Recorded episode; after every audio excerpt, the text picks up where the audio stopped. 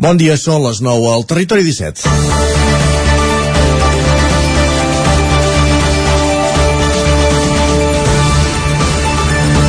0-4, quina nit la d'un Barça que ha redreçat el bola i el Bernabéu. Però d'aquest partit ja en parlarem a la tertúlia esportiva. Ara parlarem d'esport i de futbol, però del de casa nostra, perquè ahir el municipal de Manlleu va tornar a acollir un derbi d'aquells que fan afició.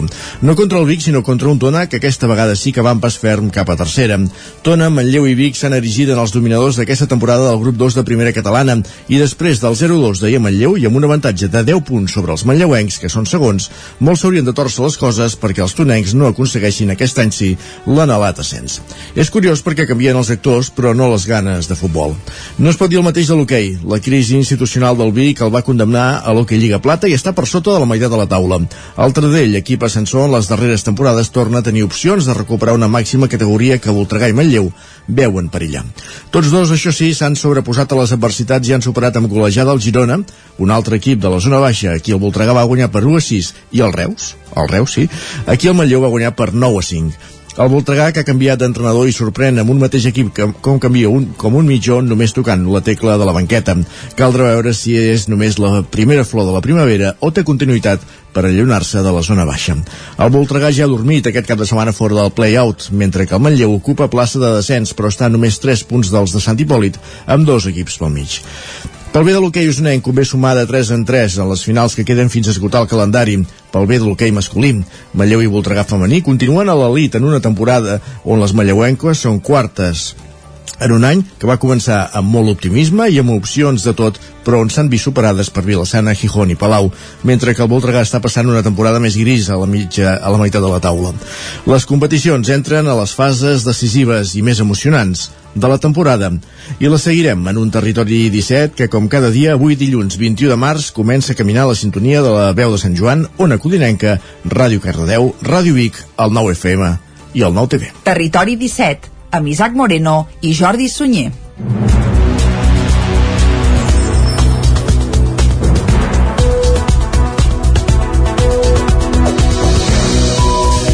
Doncs passen dos minuts i mig de les 9 del matí del dia següent en què el Barça va endosar quatre gols com quatre barres a l'etern rival i d'això, evidentment, com has dit eh, bé abans, Isaac, en parlarem a la part final d'un programa que, com sempre, arrencarem acostant-vos l'actualitat de casa nostra, de les nostres comarques. Això ho farem durant tota la primera hora. A partir de les 10 actualitzarem butlletí informatiu i després anirem cap a l'entrevista. I avui, per parlar amb els amics de la ciutat de Vic, el proper dilluns, d'aquí just una setmana, lliuren el primer Premi Ciutat de Vic el científic Joan Massaguer i Soler, un referent en la, en la investigació del càncer. En parlem amb aquesta entitat, de, quines altre, de quina és la seva activitat i del perquè d'aquest guardó. Doncs això serà a l'entrevista, aproximadament cap a un quart d'onze. A dos quarts d'onze arribaran les piulades amb Guillem Sánchez. Tot seguit passarem per la taula de redacció i avui, tot seguit, tocarà parlar d'esports. Repassarem com ha anat el cap de setmana esportivament parlant. Ara n'hem fet un abans, però després hi aprofundirem amb l'Ester Rovira, com cada dilluns, amb l'Ester Rovira i amb la resta de, i amb la resta de, de companys del territori 17 de les diferents emissores, l'Òscar Muñoz, l'Isaac Muntades i la Caral Campàs, per saber què han fet els equips del territori 17 aquest cap de setmana. A les 11 tocades actualitzarem butlletí informatiu i tot seguit ens acompanyarà l'Adrià Oliveres. Des de Ràdio Vic amb els solidaris i avui sobre la cooperació amb el Camerún amb el Camerún, doncs bé, ho descobrirem. Uh, això ja serà cap a un quart de dotze, a dos quarts de dotze, com cada dia, pujarem a la R3, a la Trenc d'Alba, i avui que és dilluns, i avui amb passió, alegria i caliu, ens tocarà acabar amb tertúlia esportiva, eh? Correcte, amb en Guillem Freixa, amb en Lluís de Planell, amb l'Isaac Muntades, parlant d'aquest Madrid 0, Barça 4, ho tornem a dir, eh, si vols, 0, sí, sí, 4, va faltar un per fer el cinquè, però vaja. Bé, serà que no hi va haver oportunitats, Exacte. hagués pogut caure perfectament, però, però sí, bé. Sí, 0-4, un, marcador, de, un marcador sí. brillant igualment. Anava a dir, havien de mantenir la, la l'essència de les quatre barres que duien el vaja, el pit alguns, ahir, alguns, doncs, alguns. Sí, bé, també. Va, no entrarem pas en més detalls, això la tertúlia la fem a la part final del programa, ara el que toca és arrencar. I, i també parlarem de l'Espanyol del Mallorca 0, eh, val a dir-ho. També, no, també. Només aquí. Va, vinga, vinga, un raconet el tindrem per parlar del derbi dels països catalans entre l'Espanyol i el Mallorca. Anem ara sí a començar el programa d'avui i ho farem com sempre repassant l'actualitat de casa nostra, l'actualitat de les comarques del Ripollès, Osona, el Moianès i el Vallès Oriental. Per explicar-vos aquesta hora que el Centre Tecnològic Beta de la Universitat de Vic ha rebut els primers investigadors ucraïnesos. Han arribat aquí a través del programa Science for, for Ukraine, que pretén que els científics de la zona en conflicte puguin tenir un lloc on continuar la seva recerca. La Micola, que té 67 anys, i la Svitlana, de 35, són professors a una de les millors universitats agràries d'Ucraïna. Ara són a Vic, on han arribat fugint de la guerra. El mateix trajecte el va realitzar la Lidmila, de 34 anys, professora d'Odessa, National Academy Academy of Food Technologies. Són especialistes en tecnologies alimentàries i producció de pinso, nous cultius i també producció agrícola en general. Gràcies a la iniciativa Science for Ucraïna s'han pogut incorporar al Centre Tecnològic Beta de la Universitat de Vic. Albert Palou és el responsable de comunicació del Centre Beta. Honestly speaking, after 10 i des del punt de vista del beta per nosaltres eh, ells són professionals de, de primer nivell que venen aquí a fer una estada com moltes altres vegades fem o rebem investigadors d'arreu del món que venen a fer estades amb nosaltres eh, i sempre intentem enriquir-nos amb el seu coneixement i amb, i amb tot el que poden aportar-nos. Els tres investigadors ucraïnesos creuen que són més útils aquí que no pas al seu país, on estan en guerra. Sentim la Micola, la Svitlana i la Litmila. Honestly speaking, after 10 days of this Uh, Parlant honestament, després de 10 dies de la invasió de Putin a Ucraïna, vaig pensar què hi podia fer jo allà, amb la meva edat. Maybe the longest uh, travel in my life Segurament ha estat el viatge més llarg de la meva vida, perquè de fet no va ser un viatge, sinó que va ser una evacuació. Vam passar més de 26 hores en trens amb molta gent. El meu objectiu principal ara per ara és estar a un lloc segur mentre duri la guerra al meu país i seguir treballant. A la capital usonenca hi ha una quarta investigadora ucraïnesa que està treballant en altres projectes vinculats a la Universitat de Vic. A la comarca, aquesta setmana també està previst que hi arribin una seixantena de nous refugiats. El nombre de persones que s'hi han instal·lat fins ara ja supera el centenar. Més qüestions. L'increment de preus de l'energia i de les matèries primeres a causa dels moviments dels mercats per la guerra d'Ucraïna està comportant problemes en algunes línies de producció. Diverses empreses d'Osona estarien estudiant reestructurar els torns dels treballadors o fer aturades per reduir la seva despesa en energia. Els mercats que depenien d'aprovisionaments de Rússia i Ucraïna han estat víctimes de l'especulació i, en conseqüència, d'un increment de preus.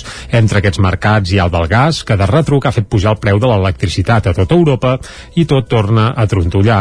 A les diferents empreses consultades per al 9-9, però en cap encara s'haurien aplicat mesures dràstiques. A la indústria del pinso hi ha qui es planteja reduir la producció a 4 dies a la setmana i fer torns nocturns, perquè és l'hora en què l'energia és més barata. En l'àmbit del metall i de la siderúrgia, on la fundició implica una elevada despesa energètica, el pla adoptat preveu que algunes plantes continuïn funcionant les 24 hores, però poder-ne aturar d'altres en funció de la demanda del mercat. Els càrrecs de la Generalitat assistiran al proper Consell d'Alcaldes del Ripollès per presentar el projecte dels Jocs Olímpics. Isaac Muntades, des de la veu de Sant Joan. En el darrer ple del Consell Comarcal del Ripollès, el porteu de la CUP, Àlex Medrano, va demanar a l'equip de govern quina era la seva postura oficial arran de l'exclusió de la comarca de la consulta que s'ha de fer a la primavera per decidir sobre la candidatura dels Jocs Olímpics 2030. El president de l'EN, Joaquim Colomer, va revelar que el pròxim Consell d'Alcaldes i Alcaldesses està previst que hi assisteixi el secretari general del Departament de Vicepresidència i de Polítiques Digitals i i Territori, Ricard Font, la secretària general de l'Esport i l'Activitat Física, Anna Caula, i també esperen que hi sigui la coordinadora del projecte dels Jocs, Mònica Bosch. Medrano deia que era vital saber què passarà al final perquè creu que el Ripollès està directament afectat. Que el govern no ha volgut incloure la nostra comarca del Ripollès dins del referèndum, igual que, el, que les comarques del Berguedà i del Solsonès. Considerem que som un territori que tenim molt a dir i estem molt afectat per la cultura de la, de la neu, eh, històricament, i a més a més per tot el que comporta la mobilització de, de transport, segones residències, activitats laborals. Aleshores considerem que tenim molt a dir, no se'ns ha inclòs. Des de la CUP ja ho hem denunciat moltes vegades que, que hauríem de tenir més veu i vot, hem fet manifestacions i estarem sempre al costat de la gent a que pugui decidir i el que volem és fer pressió perquè se'ns escolti. Colomer va replicar-li que per ara no se sap si el Ripollès és una comarca afectada pels jocs perquè no se'ls ha manifestat en cap reunió o presentació que la comarca hagi d'acollir alguna prova o activitat. Per tant, el president deia que calia veure el projecte i va posar l'exemple que els jocs jocs no han de ser perjudicials per al medi ambient i per l'economia de la comarca, com han proclamat els copaires en altres ocasions. Votar o no votar, eh, quan tu votes has de saber què votes i a hores d'ara no podem saber quina és la votació i per tant quan es diu serà agressiu pel territori doncs jo crec que s'està mentint perquè no se sap si serà agressiu i ni tan sols se sap si serà el territori. Per tant el que hem de fer és quan tinguem informació fidedigna doncs analitzar-la i treballar-la i evidentment jo he parlat doncs d'un abans, d'un després i del que signifiquen doncs uns Jocs Olímpics doncs per una comarca i he posat els exemples doncs de la Seu d'Urgell, de Banyoles en la qual doncs van ser subseus olímpiques i, les, i van ser doncs poblacions que van ser afectades per uns Jocs Olímpics Barcelona 92. El president apuntava que aquestes dues ciutats havien canviat en positiu després de fer-se els Jocs. Evidentment, Colomers sí que no estava content pel fet que se'ls exclogués de la consulta. El conseller d'Esquerra Republicana, Sergi Albric, va recordar que, en principi, els Jocs han de ser sostenibles perquè no s'hi faran grans construccions d'infraestructures i que poden tenir un impacte positiu pel territori amb la millora de serveis com la línia de tren R3. Més qüestions. Els bombers continuen remullant l'incendi al polígon de Montornès del Vallès, un incendi declarat divendres a la tarda, que encara no està extingit. David Olodell, des de Radio Televisió Cardedeu. Els bombers de la Generalitat de Catalunya continuaven remullant aquest diumenge a la tarda l'incendi de la indústria al polígon de Montornès del Vallès, que unes 48 hores després del seu inici, que va ser divendres a la tarda, no es podia donar per extingit. Encara hi havia zones que fumejaven a l'interior de les tres naus calcinades al polígon industrial, Casa Nova, i els bombers precisaven que fins que no comencin les tasques de demolició no podran accedir a indrets sense revisar i detectar possibles punts calents. L'incendi que va cremar tres naus i n'ha afectat una quarta per temperatura al carrer Antonio Machado de Montornès del Vallès va quedar estabilitzat poc després de la mitjanit segons els bombers. 23 dotacions han treballat en un succés que no ha causat ferits però que ha obligat a activar l'alerta del pla d'emergències Pla SECCAT per risc químic. Més qüestions. Els alcaldes de Torelló, Balanyà, Sant Julià, Sant Vicenç, el Brull i Sobremunt signen el conveni amb Aigua, l'empresa pública creada pel Consell Comarcal d'Osona i que oferirà els serveis d'aigua en baixa, clavegaram i drenatge urbà a sis municipis, aquests sis municipis de la comarca. A partir del dia 1 d'abril, Aigua farà arribar l'aigua als dipòsits municipals d'aquestes sis localitats usonenques, com dèiem, Torelló, Balanyà, Sant Julià de Vilatorta, Sant Vicenç de Torelló, el Brull i Sobremunt. En total s'ha d'arribar a 11.400 punts de consum. El de divendres era l'últim tràmit administratiu que quedava pendent abans d'iniciar-se l'activitat. Escoltem a, Sant, a Joan Carles Rodríguez, president del Consell Comarcal d'Osona, i al conseller comarcal del cicle de l'aigua i alcalde de Sant Vicenç, Eric Sirina, i també a Marçal Ortuño, alcalde de Torelló. El repte és l'1 d'abril, i jo voldria destacar-ho uh, uh, a partir de l'1 d'abril el Consell Comarcal d'Osona a través d'Ona Aigua dona servei als ajuntaments de la comarca. Doncs tenim el cicle complet, eh, som el primer Consell Comarcal que aconsegueix aquesta fita i per tant crec que és important posar-la en valor. Doncs el cicle de l'aigua eh, ha de ser eh, gestionat públicament i esperem ja doncs, poder posar eh, en marxa el servei aquest proper 1 d'abril i poder demostrar doncs, aquests avantatges de la gestió pública. L'empresa pública On Aigua, amb Maria Planells a la gerència, començarà amb una plantilla de 7 persones i amb el suport de l'equip tècnic i dels serveis del Consell Comarcal d'Osona. I la nova campanya comercial impulsada des de l'Ajuntament de Caldes de Montbui busca incentivar la compra a establiments locals amb un sorteig d'activitats termals, que era el campàs des d'Ona Codinenca. Guanya amb Shopping Caldes és el nom de la nova campanya comercial que recorda les qualitats d'aquesta marca nascuda fa 3 anys per promocionar i revitalitzar el comerç calderí. D'aquesta manera, des d'aquest dissabte i fins al 30 d'abril, la ciutadania pot conèixer els avantatges que proporciona Shopping Caldes a consumidors i establiments comercials i alhora participar en un sorteig d'un bany termal per a dues persones, una entrada al Museu Termàlia i una visita guiada al circuit termal del nucli antic. Per participar en la campanya, els turistes, visitants i calderins només cal que escanegin el codi codi QR que es troba en la cartelleria penjada als aparadors de comerços o en diversos expositors de la via pública, així com en les pantalles d'espais municipals o a les xarxes socials de Shopping Caldes i de l'Ajuntament. En el moment d'escanejar el codi QR es planteja la pregunta «Coneixes Shopping Caldes?» i tot seguit s'accedeix a una explicació sobre la marca, en què consisteix, què ofereix i què hi trobaran les persones consumidores. Alhora es dona un accés amb un enllaç web al formulari de participació. El sorteig de la campanya Guanya amb Shopping Caldes es celebrarà serà el 3 de maig a les 11 del matí. Perfecte, amb més qüestions. La proclamació del rei Carnestoltes 44 de Torelló, amb l'històric carrossaire Joan Colomer va donar el tret de sortida divendres de la setmana passada a dos, eh, el que és el gran el Carnaval de Torelló.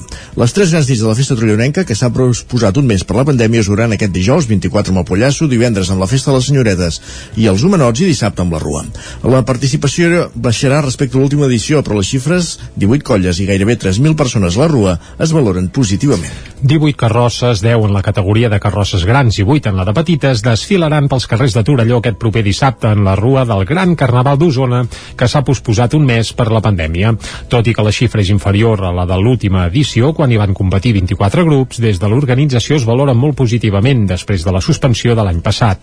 Marc Tienda és el portaveu de les entitats organitzadores del Carnaval de Torelló. Algunes carrosses s'han fusionat, algunes carrosses eh, han baixat del carro i n'han sortit, i n'han sortit de noves, amb un total de 2.910 participants, amb colles carrossaires, per tant, eh, estem molt contents i creiem que és una, una xifra positiva després de, de passar aquesta pandèmia i de tenir una parada, no?, uh, un any de Carnaval. La rua, que farà el recorregut habitual de les últimes edicions entre la plaça de la Sardana i la plaça Jonot Martorell, s'avança una hora i arrencarà dissabte a les 6. L'Associació Carnaval de Terra Endins i els Carrossaires han acordat que, excepcionalment, també, els premis aquest any siguin simbòlics i la dotació econòmica dels guardons es repartirà a parts iguals entre totes les colles. S'hi incorpora, com a novetat, un accèssit a la sostenibilitat. La festa de la disbauxa a Torelló començarà dijous amb el Pollasso, que ja ha esgotat els 800 packs per participar calendari que s'havien posat a la venda. El traçat de la cerca Vila prèvia al ritual de la Rauxa s'amplia per evitar aglomeracions als carrers més estrets i hi ha novetats en algunes de les figures, ho explica Arnau Mercader del col·lectiu Pollasso. El vestuari de cavaller i xapot és nou, i que ja s'estrenarà aquest any, bàsicament per dotar-los de més personalitat, perquè creiem que els hi faltava. I una altra novetat és la remodelació d'elements concretament del cap de Margalef i dels quatre caps que ja, que ja tocava. La festa de les senyoretes i els humanots de divendres tindrà de temàtica central el grup ABA, que es va dissoldre l'any 1984, l'any de la primera edició precisament de les senyoretes. La rua sortirà de la plaça de la Vila i acabarà a la plaça Nova, on hi haurà la passarel·la i actuació de bandidors. El Carnaval, el Carnaval Torallorenc torna a comptar amb la campanya de prevenció per Carnaval Tot s'hi val, passa tu bé sense passar-te, que repartirà aigües gratuïtament i habilitarà també punts Viles. La gresca acabarà el dimecres 30 de març amb l'enterrament de la sardina. Acabem aquí aquest repàs informatiu que començàvem a les 9 en companyia de Jordi Sunyer, que era el campàs Núria Lázaro Isaac Muntades. Moment ara de saludar en Pep Acosta, que deu estar eufòric.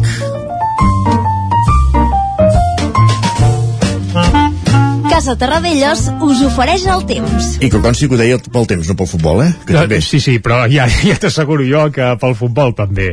I a més, és que a més ha arribat la primavera, que va arribar ahir. És, és, és un triplet, eh, ens té avui en Pep Costa, eh? Caliu jo, jo, jo tinc el temor que la primavera, primavera aquest any ja l'hem viscut, que ha estat l'hivern. Ah, segur, segur. La, la primera serà, no serà com l'esperem, em fa l'efecte, però vaja. Bé, això... la meteorològica segurament no la tenim al cap, però l'astronòmica sí que va arrencar ahir. Va, i això ens ho recorda en Pep ara mateix. Bon dia, Pep.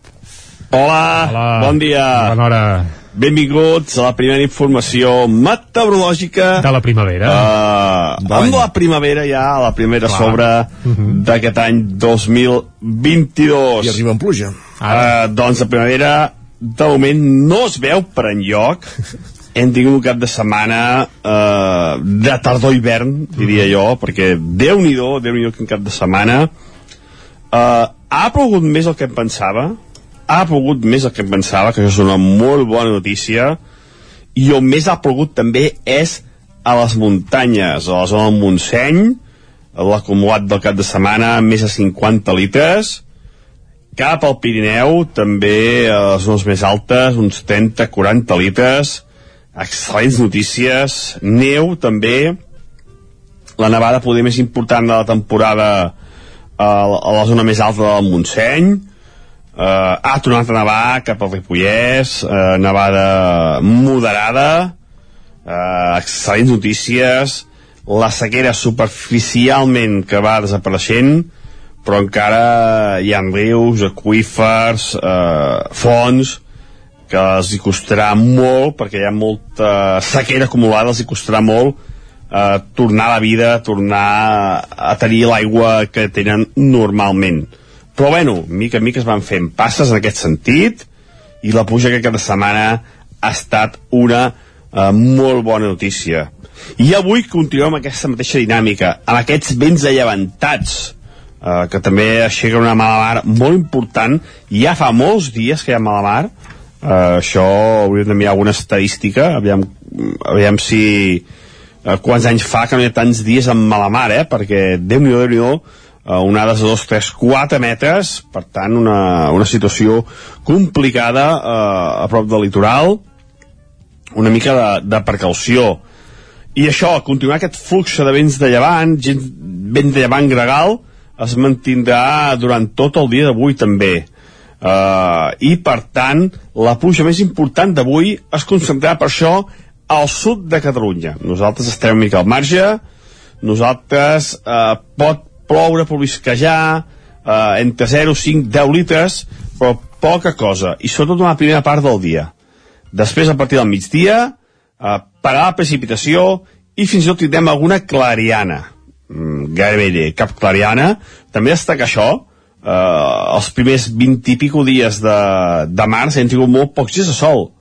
Veníem d'uns dies amb, amb, amb, amb uns mesos on gairebé cada dia feia sol i ara aquest mes eh, hem tingut molt, molt poques hores de sol eh? de moment estem tenint poquíssimes hores de sol i sembla que serà la mateixa tònica almenys fins dijous, divendres, que sí que el sol ja pot ser eh, més important.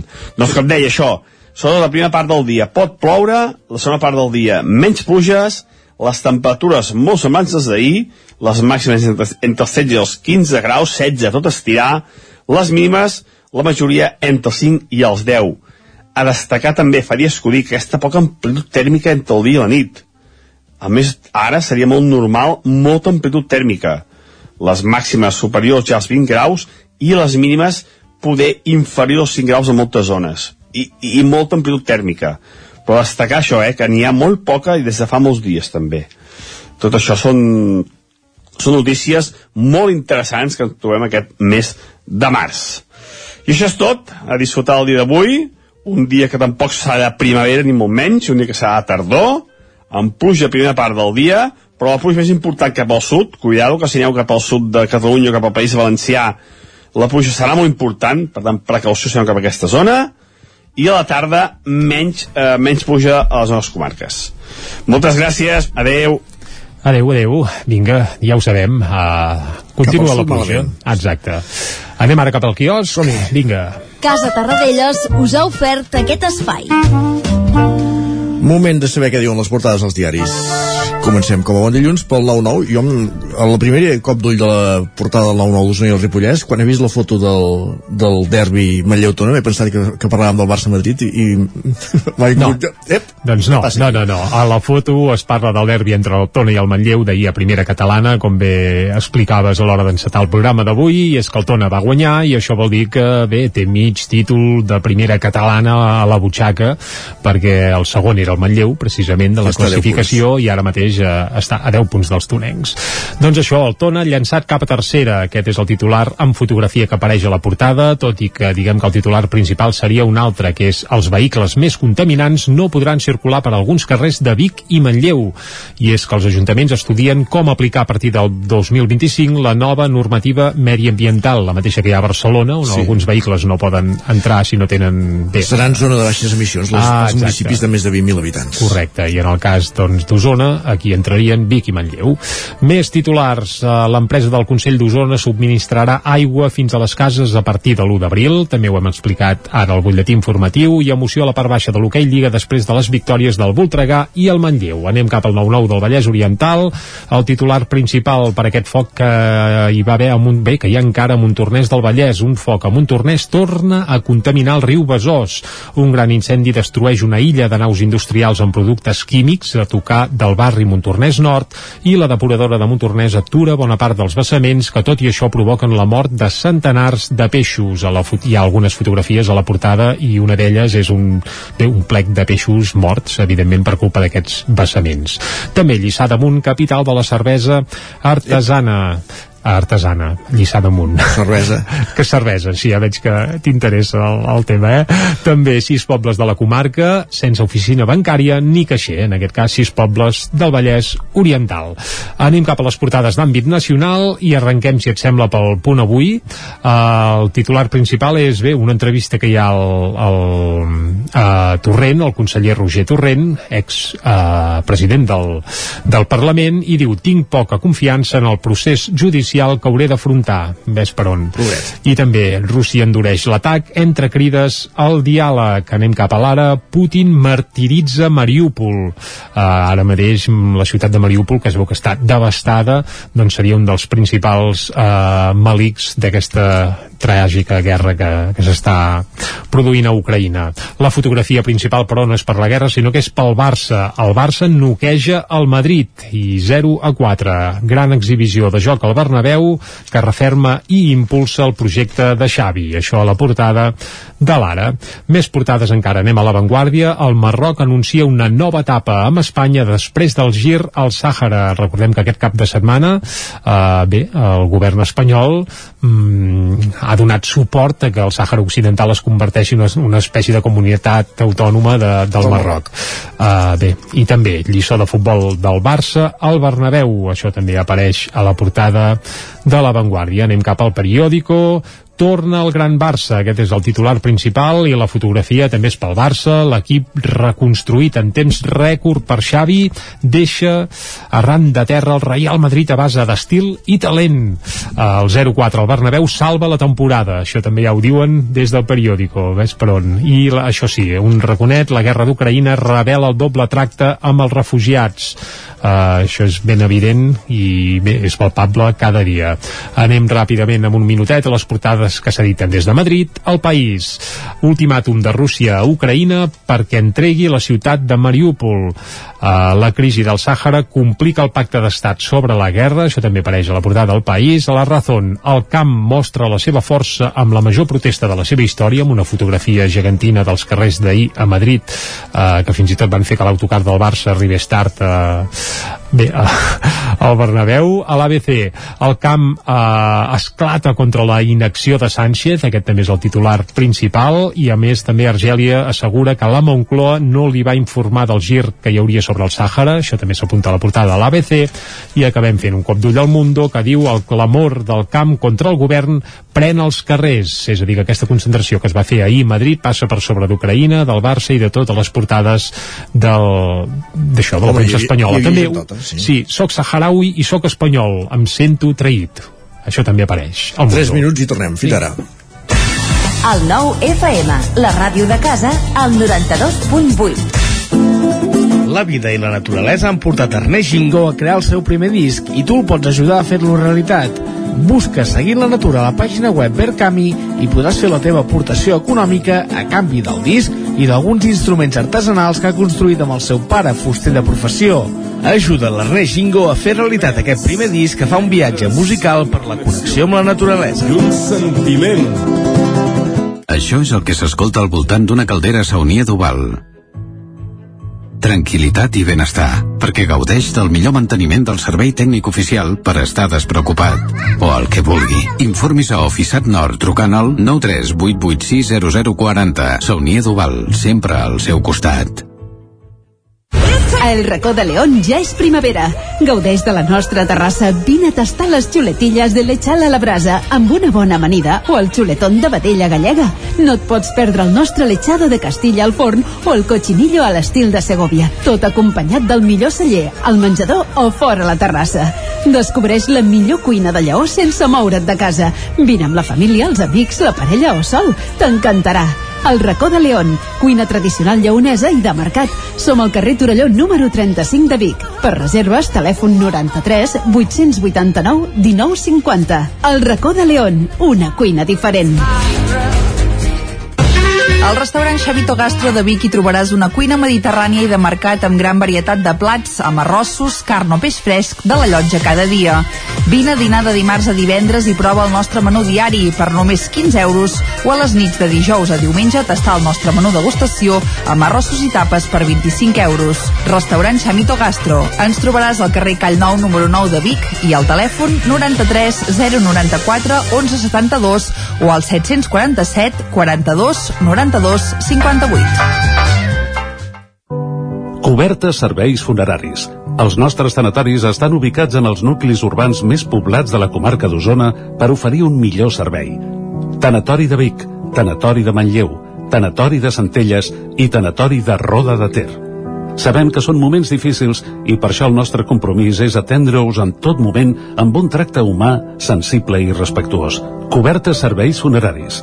Telèfon 24 hores 93 883 23 46.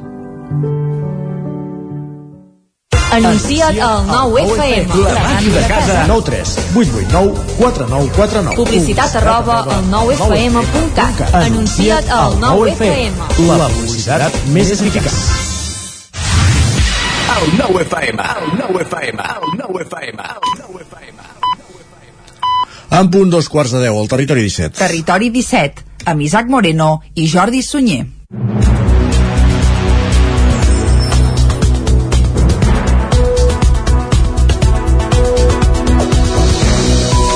I a aquesta hora de seguida el que farem és acostar-vos de nou tota l'actualitat de les nostres comarques. Abans, però, ja us avancem una mica tot el menú que tindrem fins al punt de les 12 del migdia. Abans de les 10 hi posarem una mica de música, com cada dia.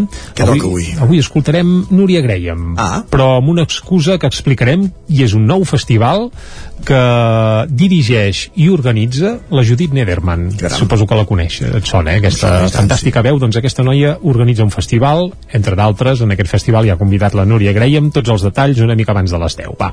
Perfecte. A les 10, uh, més informació, i després a l'entrevista uh, ens quedarem a Vic avui, oi? Correcte, ens acompanyaran els amics de la ciutat de Vic, aquesta entitat que, entre d'altres, organitza aquest eh, convocatori del Premi Ciutat de Vic que lliuraran el proper dilluns al científic Joan Massaguer. A dos quarts d'onze serà el moment de les piulades amb en Guillem Sánchez. Tot seguit passarem per la taula de redacció i després parlarem d'esports.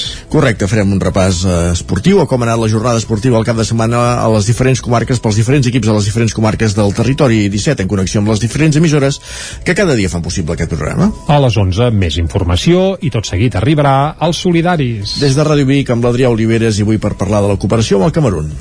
I acabarem a la darrera mitja hora, com sempre, pujant a la R3, a la Trenc d'Alba, i avui que és dilluns, i ahir que vam veure i viure un 0-4, doncs tertúlia esportiva. Amb l'Isaac Muntades, amb en Guillem Freixa, amb en Lluís de Planell per parlar d'aquest Madrid 0 Barça 4, de l'Espanyol 1 Mallorca 0 i del que convingui tertúlia esportiva al final del territori 17 avui dilluns. I ara el que toca és, com sempre, acostar-vos de nou l'actualitat de casa nostra. Ja ho sabeu, l'actualitat de les comarques del Ripollès, Osona, el Moianès i el Vallès Oriental.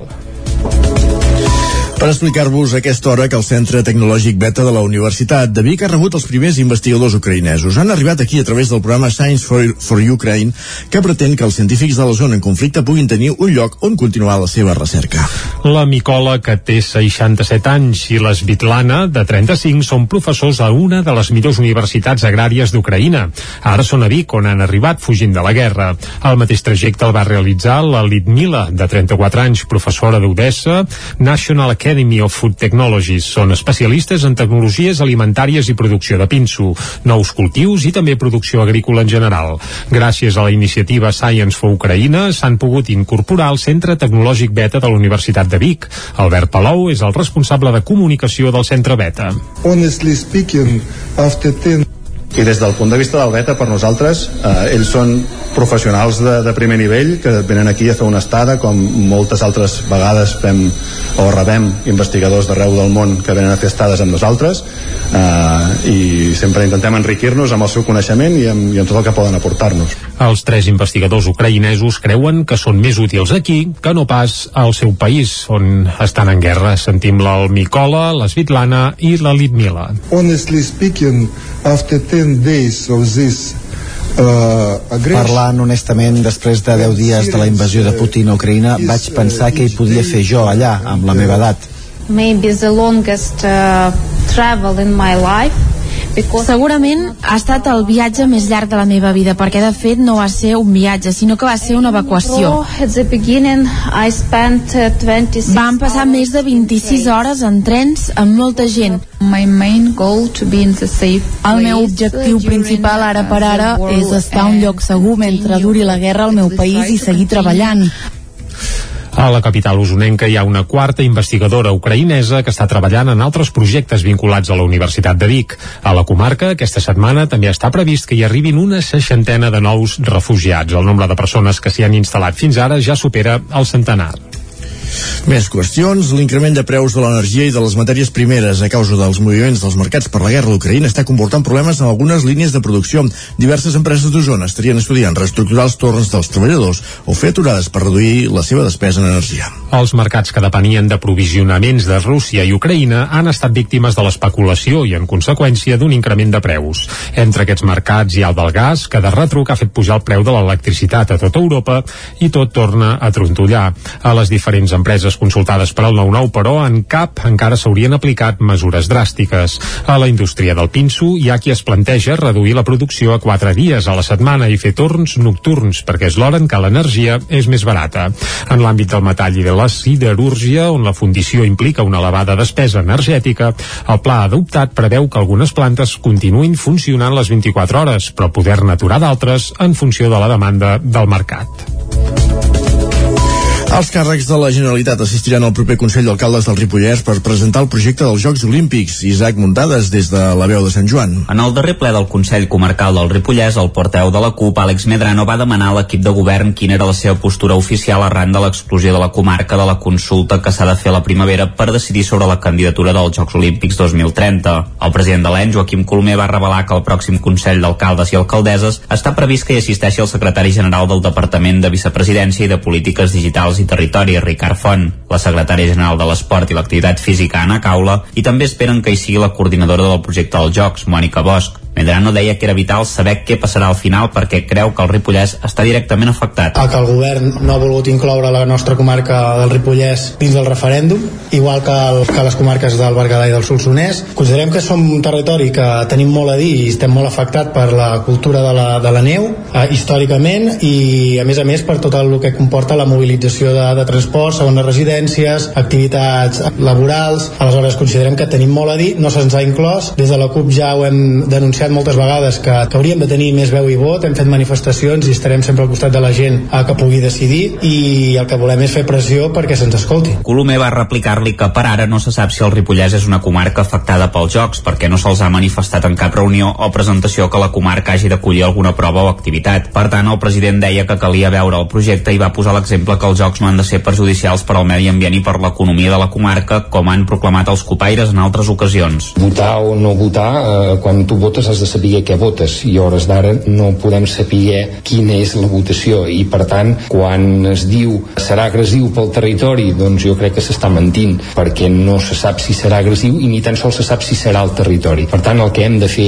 és quan tinguem informació fidedigna doncs analitzar-la i treballar-la. I evidentment jo he parlat doncs d'un abans, d'un després i del què signifiquen doncs uns Jocs Olímpics doncs per una comarca. I he posat els exemples doncs a la Seu d'Urgell, de Banyoles en la qual doncs van ser subseus olímpiques i, les, i van ser doncs, poblacions que van ser afectades per uns Jocs Olímpics Barcelona 92. El president apuntava que aquestes dues ciutats havien canviat en positiu després de fer-se els Jocs. Evidentment, Colomés sí que no estava content pel fet que se'ls exclogués de la consulta. El conseller d'Esquerra Republicana, Sergi Albric, va recordar que, en principi, els Jocs han de ser sostenibles perquè no s'hi faran grans construccions d'infraestructures i que poden tenir un impacte positiu pel territori amb la millora de serveis com la línia de tren R3.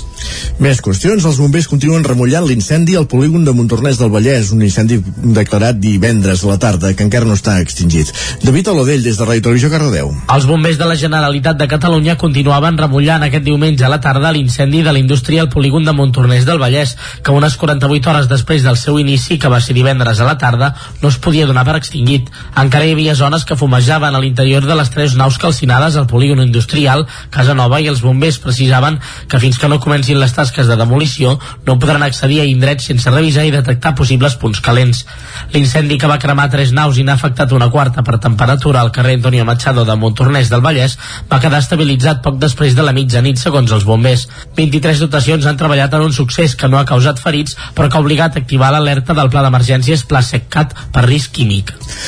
Més qüestions. Els alcaldes de Torelló, Balanyà, Sant Julià, Sant Vicenç, del Brull i Sobremunt signen el conveni amb Onaigua, l'empresa pública creada pel Consell Comarcal d'Osona i que oferirà els serveis d'aigua en baixa, clavegaram i drenatge urbà a sis municipis, aquests sis municipis de la comarca. A partir del dia 1 d'abril, Onaigua farà arribar l'aigua als dipòsits municipals d'aquestes sis localitats usonenques, com dèiem, Torelló, Balanyà, Sant Julià de Vilatorta, Sant Vicenç de Torelló, el Brull i Sobremunt.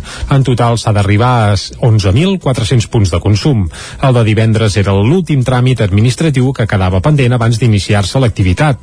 Escoltem a, Sant, a Joan Carles Rodríguez, president del Consell Comarcal d'Osona, i al conseller comarcal del cicle de l'aigua i alcalde de Sant Vicenç, Eric Sivina, i també a Marçal Ortuño, alcalde de Torelló. El repte és l'1 d'abril, i jo voldria destacar-ho uh, uh, a partir de l'1 d'abril el Consell Comarcal d'Osona a través d'Ona Aigua dona servei als ajuntaments de la comarca. Doncs tenim el cicle complet, eh, som el primer Consell Comarcal que aconsegueix aquesta fita i per tant crec que és important posar-la en valor.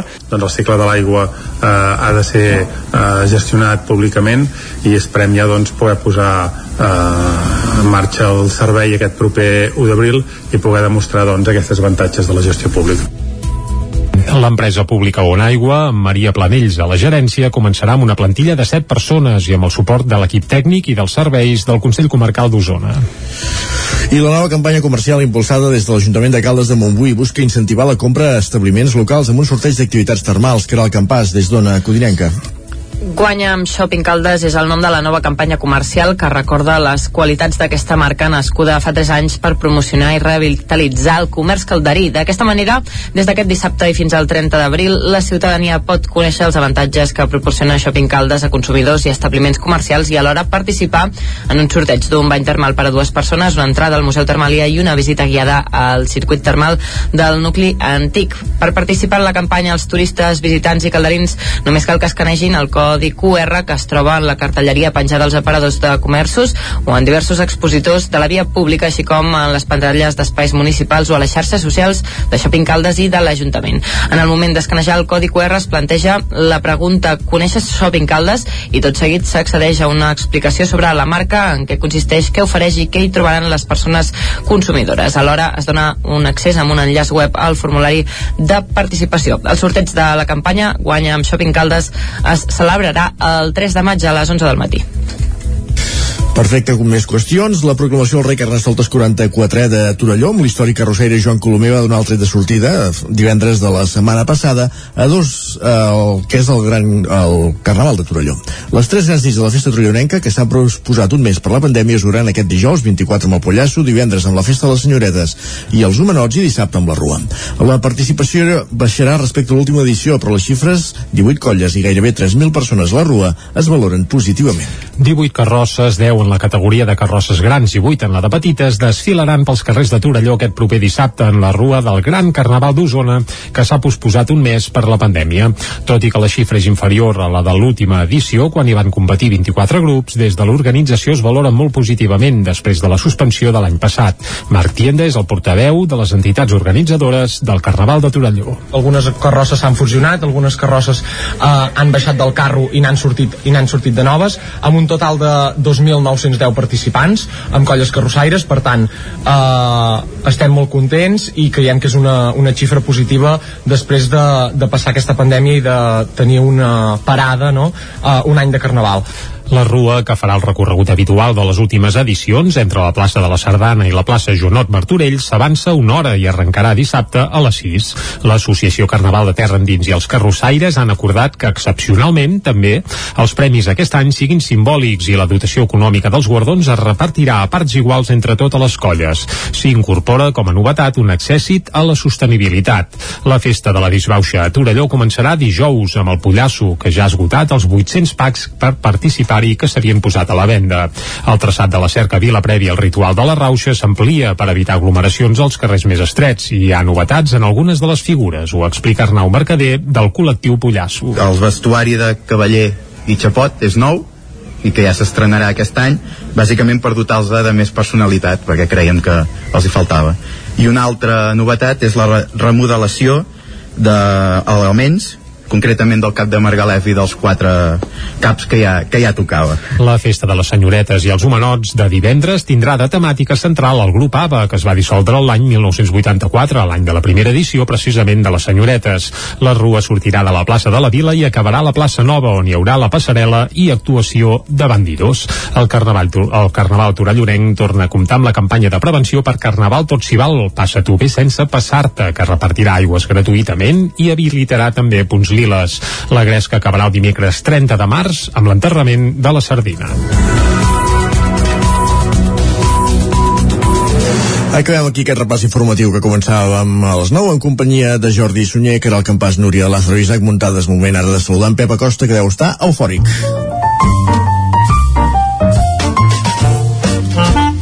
Casa Terradellos us ofereix el temps. I que consti que ho deia pel temps, no pel futbol, eh? Que també. Sí, sí, però ja, ja t'asseguro jo que pel futbol també.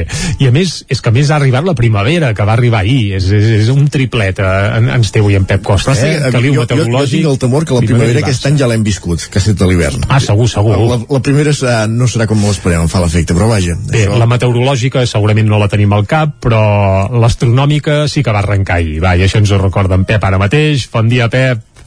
Hola, Hola. bon dia. Bona hora. Benvinguts a la primera informació meteorològica de la primavera.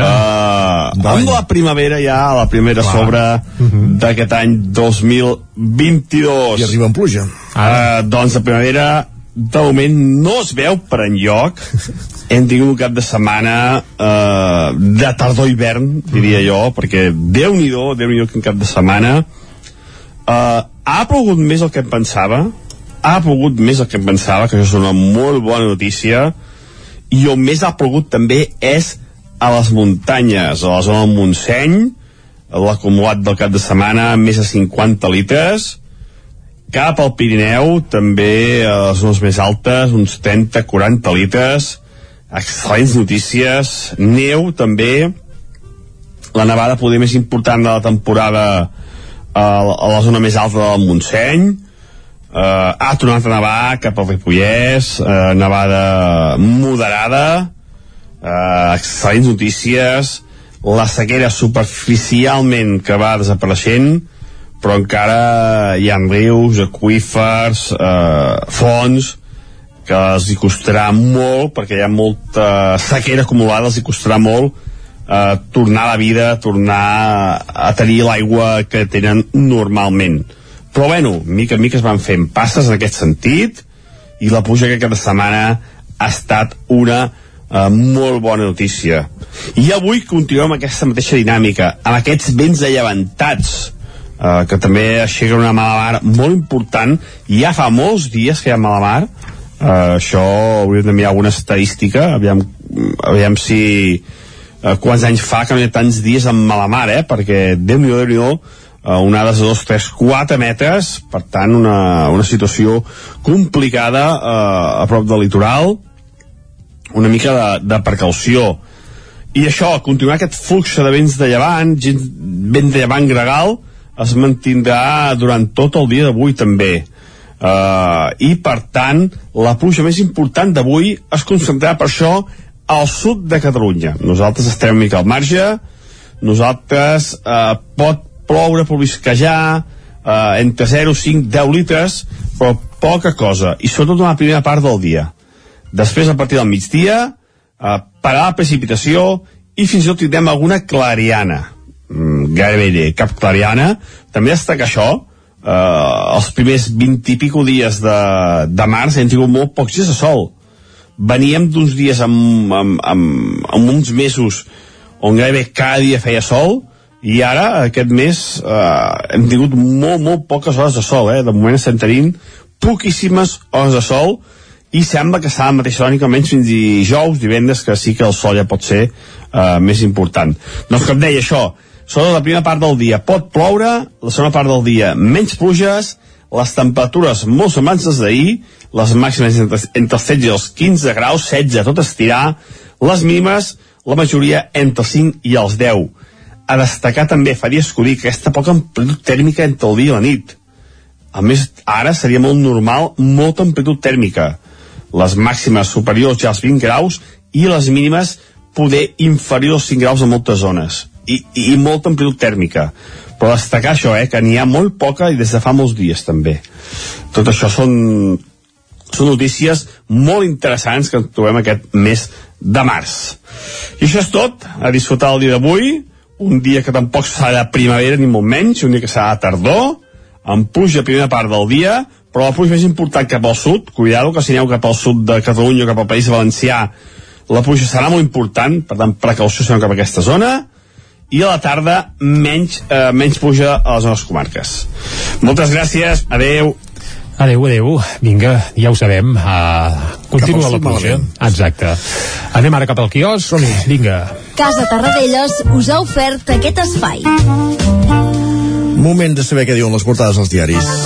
Comencem com a bon dilluns pel 9-9. Jo, el primer cop d'ull de la portada del 9-9 d'Osona i el Ripollès, quan he vist la foto del, del derbi Manlleu-Tona, m'he pensat que, que parlàvem del Barça-Madrid i... i no. Ep, doncs no, no, no, no. A la foto es parla del derbi entre el Tona i el Manlleu d'ahir a primera catalana, com bé explicaves a l'hora d'encetar el programa d'avui, i és que el Tona va guanyar i això vol dir que, bé, té mig títol de primera catalana a la butxaca, perquè el segon era el Manlleu, precisament, de la Està a 10 classificació, i ara mateix eh, està a 10 punts dels tonencs. Doncs això, el Tona llançat cap a tercera, aquest és el titular amb fotografia que apareix a la portada, tot i que diguem que el titular principal seria un altre, que és els vehicles més contaminants no podran circular per alguns carrers de Vic i Manlleu. I és que els ajuntaments estudien com aplicar a partir del 2025 la nova normativa mediambiental, la mateixa que hi ha a Barcelona, on Sí. sí. alguns vehicles no poden entrar si no tenen... Bé, Seran zona de baixes emissions, les, Ah, els municipis de més de 20.000 habitants. Correcte, i en el cas doncs, d'Osona, aquí entrarien Vic i Manlleu. Més titulars, eh, l'empresa del Consell d'Osona subministrarà aigua fins a les cases a partir de l'1 d'abril, també ho hem explicat ara al butlletí informatiu, i emoció a la part baixa de l'hoquei Lliga després de les victòries del Voltregà i el Manlleu. Anem cap al 9-9 del Vallès Oriental, el titular principal per aquest foc que hi va haver a un, bé, que hi ha encara a Montornès del Vallès, un foc a Montornès torna a contaminar el riu Besòs.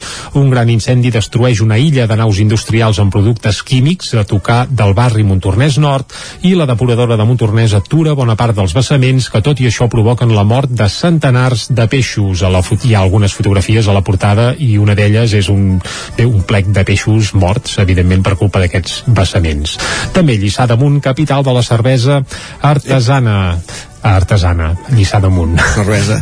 que cervesa, sí, ja veig que t'interessa el, el tema, eh? També sis pobles de la comarca, sense oficina bancària ni caixer, en aquest cas sis pobles del Vallès Oriental.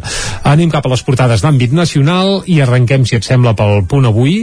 Uh, el titular principal és, bé, una entrevista que hi ha al, al uh, Torrent, el conseller Roger Torrent, ex uh, president del, del Parlament, i diu, tinc poca confiança en el procés judicial que hauré d'afrontar. Ves per on. Pobret. I també Rússia endureix l'atac entre crides al diàleg. Anem cap a l'ara. Putin martiritza Mariúpol. Uh, ara mateix la ciutat de Mariúpol, que es veu que està devastada, doncs seria un dels principals uh, malics d'aquesta tràgica guerra que, que s'està produint a Ucraïna.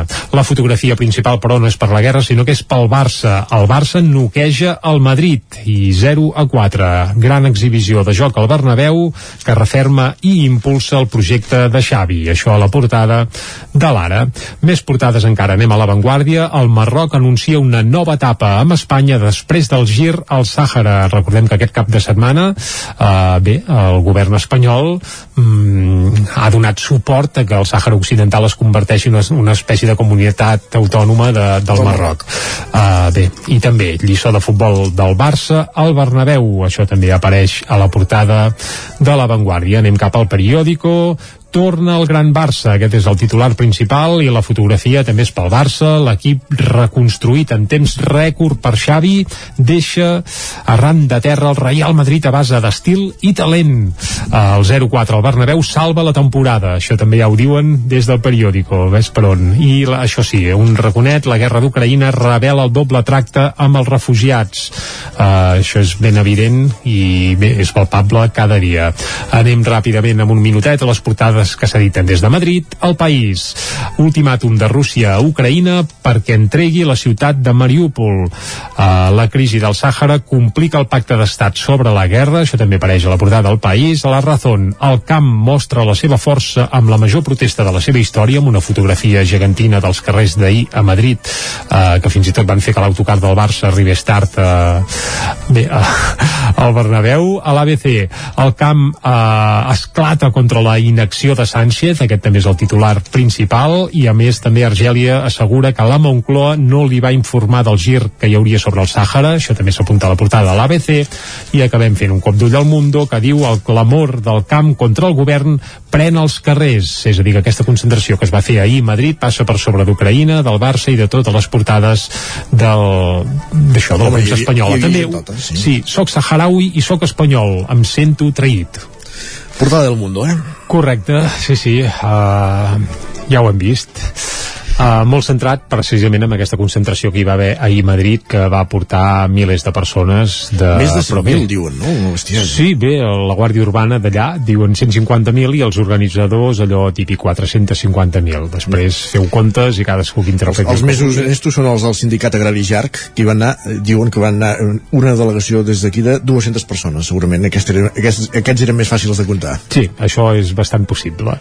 Molt bé, doncs va, aquests 200 segur que hi eren, eh, que n'hi havia més també, però no parlarem pas ara de mobilitzacions agràries ahir a la capital ibèrica, sinó que ja hem explicat que el que volem eh, remarcar avui és el naixement del Festival Floral. Floral. Què és aquest festival? No és les flors de Corpus de Girona, eh? No, però bé, per les dates doncs ja podria lligar una mica. Eh? El Festival Floral resulta que és un nou festival que organitza i dirigeix Judit Nederman, aquesta cantautora amiga de l'Alejandro Sanz, entre d'altres, i que ha col·laborat amb multitud d'artistes, també Que és del il·lustrats, si no que és entès. Del Maresme, és de Vilassar de Mar, i com que és de Vilassar, diu aquest festival el faig a casa. Per tant, aquest festival, el Festival Floral, es farà els propers dies 20, 21 i 22 de maig a Vilassar de Mar. Tindrà un marcat accent femení, femení i feminista, i és per això que tothom qui passarà, eh, o almenys que hi actuarà, seran dones. També hi haurà taules rodones, xerrades, debats, aquí multigèneres, aquí hi haurà una mica de tot, però les actuacions sí que seran només amb protagonistes femenines, entre d'altres hi haurà la Clara Peia, hi haurà la Rita Paiés, hi haurà ben molta altra gent, però també hi haurà la Núria Graham, una bigatana, i tot això ens serveix d'excusa avui per escoltar At Last, un nou single que no forma part del darrer disc de la Núria Graham, el Marjorie, un discàs molt aconsellable, uh -huh. sinó que, clar, com que en temps de confinament va tenir temps, doncs la Núria va treure algun single d'aquests eh, solts, i un d'ells és aquest At Last, que va venir acompanyat d'un fantàstic videoclip, i ara l'escoltarem. I per cert, el piano també és de la Núria, eh? és que la Núria ho toca tot. Toca tot. Uh, la guitarra, per exemple, solo amb la Maia Montero, recordes? Allò és que espectacular. També toca uh, això, canta espectacularment i fins i tot ara hem descobert que toca la bateria. Carai. La Núria Graham ho fa acompanyant La la, Maria. Jaume. La, La Maria. Jaume, aquella Sí? cantautora mallorquina, doncs quan va amb bateria és la Núria. Va, ara per això la deixem cantant. Vinga, amb aquest Atlast i amb això arribarem fins a les 10 aquí a Territori 17.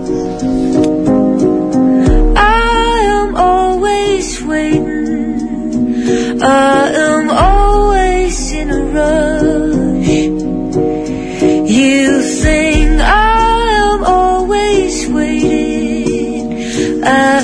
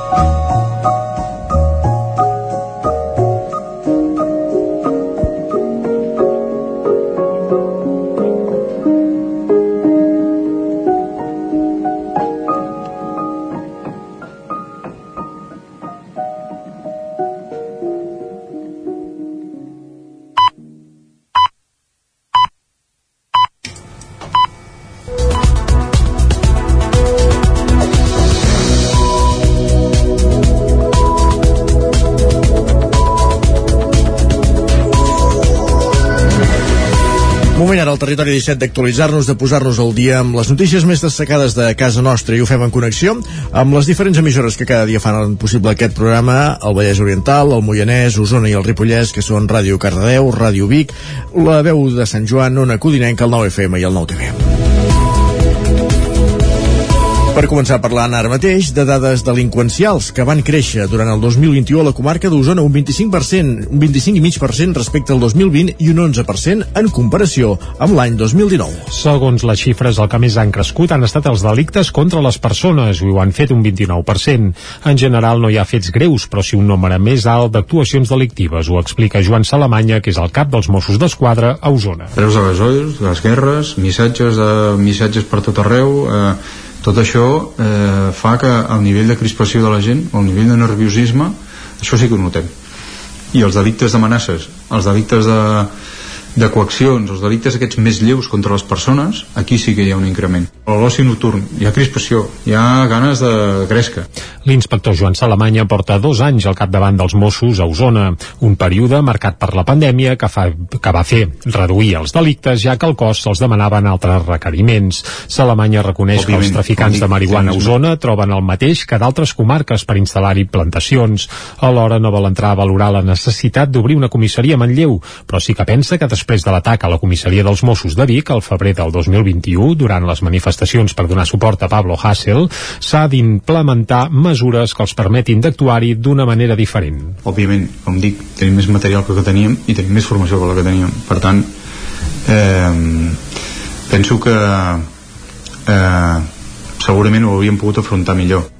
Actualment la resolució de delictes a la comarca d'Osona es manté en una xifra del 38% a la problemàtica pel preu de l'energia i l'encariment del preu del transport, algunes empreses d'Osona hi estan sumant una difícil situació que els deriva de la vaga de transportistes. A Osona la situació és tensa, però no es pateix per un desabastiment immediat de productes per a fabricació de pinso. Ho explica Francesc Carrillo, que és el director industrial de la cooperativa Plana de Vic. Els subministres a les fàbriques sigui molt més complicat. No tindrem la fluidesa la fluidesa eh, normal per això nosaltres com a cooperativa ja estem prenent mesures, és a dir, estem conscienciant el nostre soci de que pugui fer unes comandes amb certa previsió perquè el flux el flux de les matèries primes no és tan fluid. Des de l'Associació Catalana de Fabricants d'Aliments Compostos alertaven que la vaga de transportistes és especialment preocupant pel sector dels pinsos i pel sector carni, un sector capdalt a Osona. Han denunciat problemes per accedir als ports de Tarragona i de Barcelona, que és on s'emmagatzema una bona part de les matèries primeres indispensables per poder fabricar els pinsos compostos i que aquesta circumstància afectaria la producció. A partir d'avui dilluns es coordinaran convois protegits pels Mossos perquè els fabricants fabricants de pinsos puguin entrar i sortir del port de Tarragona amb seguretat. Més qüestions. El balneari Termes Victòria de Caldes de Montbui acull temporalment una mare refugiada ucraïnesa i els seus dos fills. Caral Campàs, des d'Ona Clinenca. El balneari Termes Victòria acull des d'aquest divendres una família ucraïnesa formada per una mare, un fill de 8 anys i una filla de 6. S'hi estaran en règim de pensió completa fins que trobin un habitatge més estable. La mare treballa en una empresa farmacèutica i amb un ordinador i connexió a internet pot seguir treballant. El director general del balneari, Joan Anglí, explica com s'ha gestat aquesta col·laboració ens ha arribat a través d'una un, persona, d'un contacte, per dir-ho d'alguna manera, doncs que, que, que el coneixia i que, bueno, que venien cap aquí, que li buscava un allotjament però que temporalment doncs, doncs buscaven un lloc on estar, ens ho va explicar i bé, diguéssim que hem, vam, vam decidir doncs, acollir-los aquí al balneari, a l'hotel, fins que no trobessin eh, lloc on, lloc on estar i els acollirem doncs, amb, amb, amb l'habitació i, i la pensió alimentícia. Angli apunta que els responsables de l'establiment ja s'havien plantejat fa temps reservar un espai per a persones refugiades. Ja ve d'una idea que, que amb aquest, amb, amb, amb aquest conflicte doncs, ens vam plantejar amb el comitè de direcció, que és dedicar un, un espai i uns recursos doncs, a persones refugiades la, amb, amb la idea de que sigui alguna més enllà de l'Ucraïna o sigui, Ucraïna ha sigut una miqueta doncs, l'espurna doncs, que, que, bueno, doncs, que ens ha fet plantejar això. Uh, la, idea era, la idea és plantejar-ho amb algun tipus d'entitat de, uh, però bueno, diguéssim que aquest cas doncs, per entendre'ns va per lliure i, i la idea és continuar-ho fent-ho en el temps i ajudar a aquelles persones doncs, que, que, que, que ho puguin necessitar siguin de la procedència que siguin que per nosaltres això també era molt important. Ara amb el suport de persones del poble aquesta família farà tots els tràmits més necessaris per establir-se a casa a Caldes, perdó, com l'empadronament o els tràmits amb les escoles I encara al Vallès Oriental, Cardedeu redueix la població de coloms un 64% en 4 anys amb un fàrmac anticonceptiu. David Auladell, des de Ràdio Televisió Cardedeu. La població de coloms a Cardedeu ha passat de 1.500 exemplars l'any 2017 a 539 el 2021, amb un 64% menys. Aquest és el resultat del programa de control que desenvolupa l'Ajuntament des de l'any 2017, basat en la utilització d'un fàrmac anticonceptiu, la nicarbazina 0,08%, recobert amb blat de moro. Segons explica el consistori en un comunicat, aquest mètode influeix directament en la natalitat dels coloms, de manera que en disminueix progressivament el nombre d'exemplars, sense haver de sacrificar-ne cap. Anteriorment el sistema utilitzat era la captura i el sacrifici. L'administració del fàrmac es fa a través de set aparells automàtics distribuïts estratègicament al terme municipal, que cada dia escampen dosi necessària programada específicament en relació als coloms sensats. L'Ajuntament destaca que el fet que hi hagi una població de coloms controlada repercuteix en una millor salut dels coloms i redueix els riscos sanitaris a les persones. Gràcies, David. I el Ripollès, Sant Joan de les Abadesses i Ugassa seran l'escenari del rodatge d'una pel·lícula sobre els últims dies de la vida de Lluís Maria Xirinacs. Isaac Muntades, des de la veu de Sant Joan. Farà uns anys l'escriptor biguetà Jordi Lara va venir a presentar a Sant Joan de les Abadeses el seu llibre Sis nits d'agost, una obra amb la qual va guanyar el Premi de la Crítica de Narrativa Catalana de l'any 2019. La novel·la narra la història dels últims dies de la vida de Lluís Maria Xirinacs, un polític que va ser senador durant la transició espanyola i tenia una ideologia independentista. Xirinacs, que també va ser religiós, escriptor i filòsof, es va deixar morir al Pla de Campagot, a Ugassa. La seva història serà portada a la pantalla petita gràcies a la productora de cinema independent Nanuc Films. El seu director, Ventura Durall, explicava que serà una TV Movie per TV3 que s'emetrà el pròxim mes de setembre. Ara estan acabant els càstings i acabant de buscar localitzacions. A l'abril s'incorporarà tot l'equip i està previst que al maig comencin els assajos. El dia 30 d'aquell mateix mes o el 6 de juny començarà el rodatge, al juliol es muntarà i a l'agost es farà la postproducció. De fet, el rodatge es farà en un temps llampec de només 4 setmanes. El guió el van fer Durall i Lara conjuntament i s'ha hagut d'adaptar pel que fa al protagonista de la pel·lícula, però la resta és molt fidel. A mi el projecte em va arribar a través del coproductor de la pel·lícula, que és en, en Paco Poc, que em va passar el llibre, que havia llegit el llibre, que li havia agradat molt i va pensar que, que d'allà se'n se podia fer una pel·lícula. Vaig llegir el llibre i vaig creure que sí, però que havíem de canviar coses. El llibre està explicat des del propi escriptor que fa una recerca de 10 anys després de, de la mort d'en Xirinacs i per fer la pel·lícula creia que havíem de canviar el personatge principal. Que allà on, on el llibre era el propi escriptor, a la pel·lícula hem convertit a la protagonista en una escriptora que de fet és la, la filla de l'amant del Xirinacs, diguéssim. La, el Xirinacs als 58 anys va, deixar el sacerdoci durant dos anys perquè va, tenir, va viure una història d'amor. Això està en el llibre i també està la biografia, però és molt tangencial. Durall va trobar molt interessant la reflexió que apareix al llibre sobre la llibertat de morir i de la mort entesa com a part de la vida i com un missatge, és a dir, de poder escollir el com, l'on i el per què. La meitat de la pel·lícula rodarà a Barcelona i l'altra meitat a localitzacions del Ripollès com Sant Joan, el Pla de Pagot o Vidabona. Al càsting han rebut moltes sol·licituds de gent d'aquí i ja tenen una preselecció feta.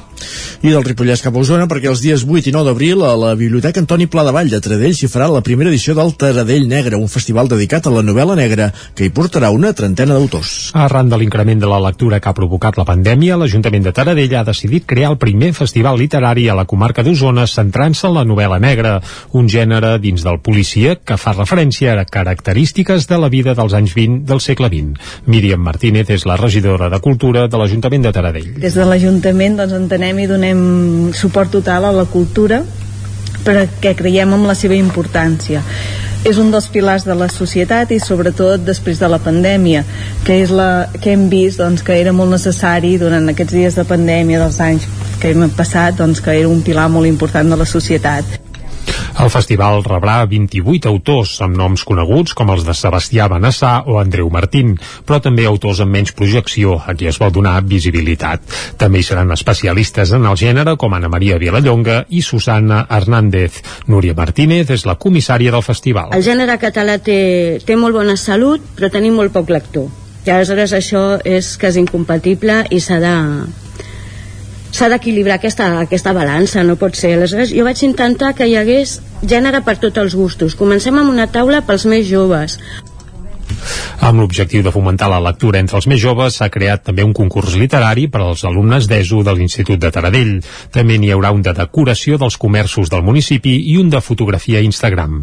Taradell Negre és el segon festival íntegrament dedicat a la novel·la negra a tot Catalunya, juntament amb el Tiana Negra.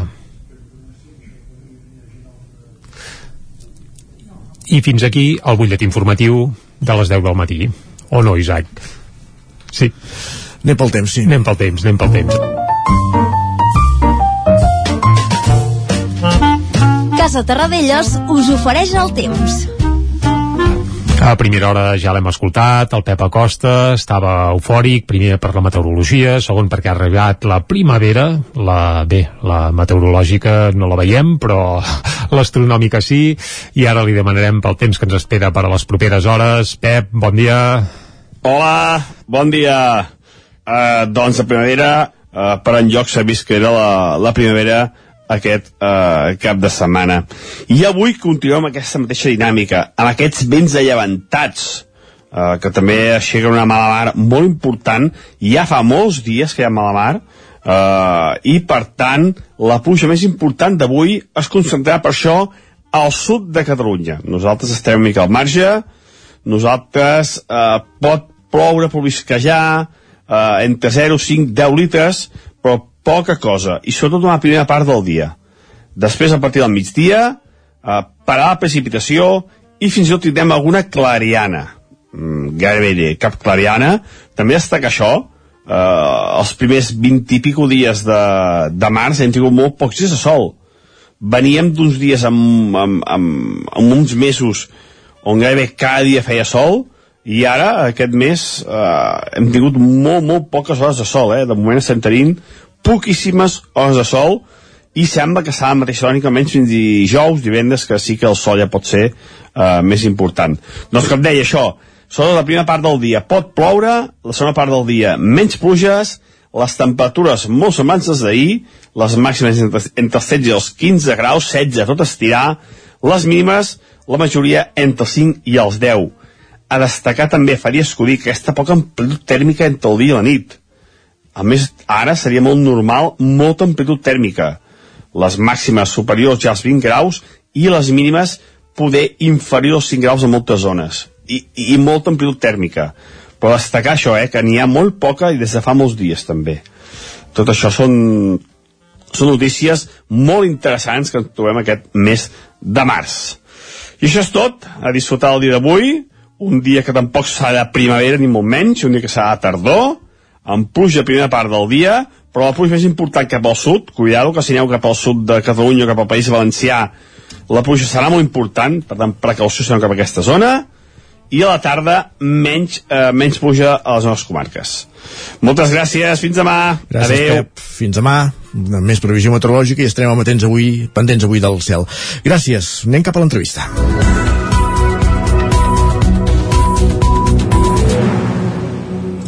Casa Tarradellas us ha ofert aquest espai. Territori 17. Envia'ns les teves notes de veu per WhatsApp al 646 079 023. 646 079 023. WhatsApp Territori 17.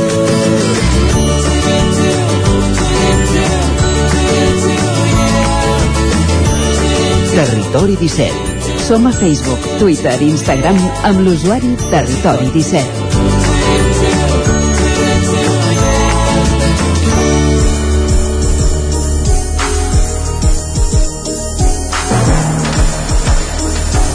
Us ho avançàvem a l'inici del programa. El proper dilluns, dilluns de la setmana vinent, es lliurarà a Vic el primer Premi Ciutat de Vic al científic Joan Massaguer i Soler. Rere aquest guardó hi ha els Amics de la Ciutat de Vic, que és una entitat que, que treballa des de l'àmbit cívic a, a la ciutat i ara parlem amb dos dels impulsors d'aquesta entitat i també de, del premi com són el seu president, en Joan López i la Rosa Maria Varela. Benvinguts tots dos al Territori 17. Moltes gràcies. Bon, bon dia tinguem. Bon dia. Primer de tot, si ens expliqueu una mica d'on surt eh, aquesta entitat, aquesta associació i amb quina finalitat. Amics de la ciutat de Vic ja fa dos anys que va iniciar els seus treballs en època època en la qual doncs, tots sabem les, les convulsions que, que hem tingut i estem encara tenint per, per desenvolupar el teixit associatiu no? Amics de la Ciutat de Vic és un instrument al servei de la ciutat per fer ciutat a partir del compromís cívic i eh, considerant el que són els valors humanístics universals establerts. No?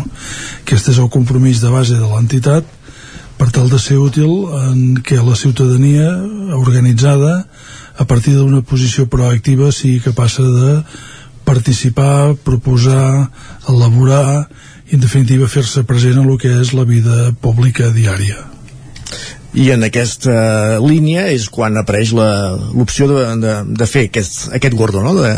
aquest premi que arriba a la seva primera edició com dèiem dilluns de la setmana vinent el, el guardó és, seria un exemple en aquest cas dels més significats del que pretén representar i promoure una entitat com la nostra no? és a dir, volem veure reflectit en el dia a dia aquests valors, eh, com deia, universals des del punt de vista humanístic i en vegades qualsevol societat o persona o col·lectivitat pot necessitar uns referents en els quals aquests valors es vegin concretats d'una manera, manera fent i d'una manera quotidiana.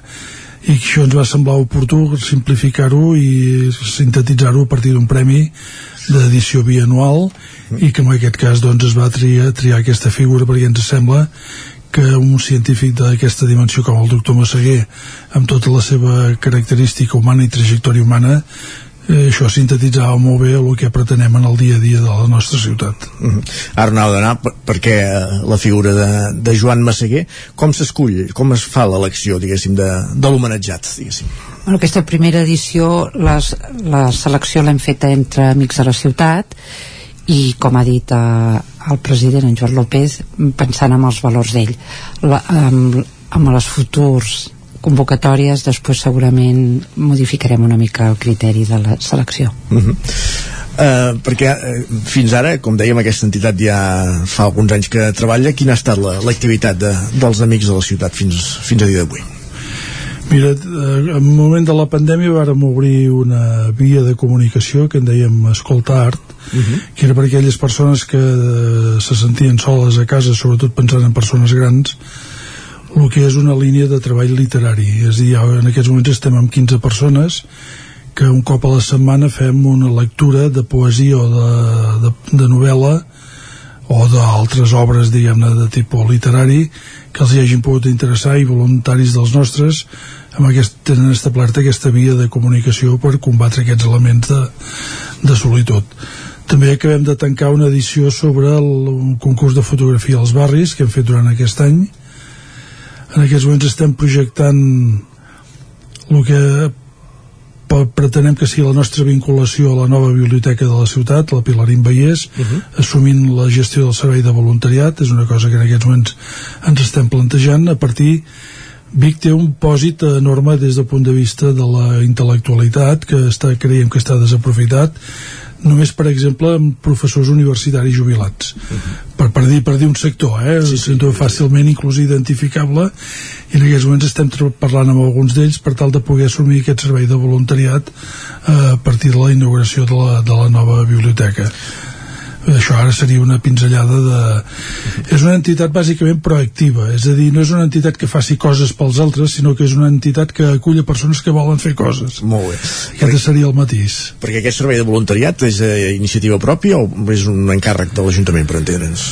Estem en fase de converses de veure quin podria ser el model és dir, la iniciativa surt de les dues bandes perquè tots tenim ganes de que aquesta biblioteca tingui valor singular més enllà de lo, sigui un pas endavant en el que és la concepció bibliotecària no? i per tant també la participació de la ciutadania de manera organitzada dintre el que és la funció ordinària no atenent eh, vessants professionals que això lògicament hi ha professionals del sector perfectament qualificats per fer, sinó com a complement i de coneixement d'afegit, de, per dir-ho d'una manera. Mm -hmm. Centrem-nos en l'acte aquest de, de, del proper dilluns, amb el que és el lliurament de, del guardó a Joan Massaguer, una mica si ens expliqueu com, com funcionarà aquest acte i, i d'altra banda, com s'ha de fer per, per assistir-hi, també.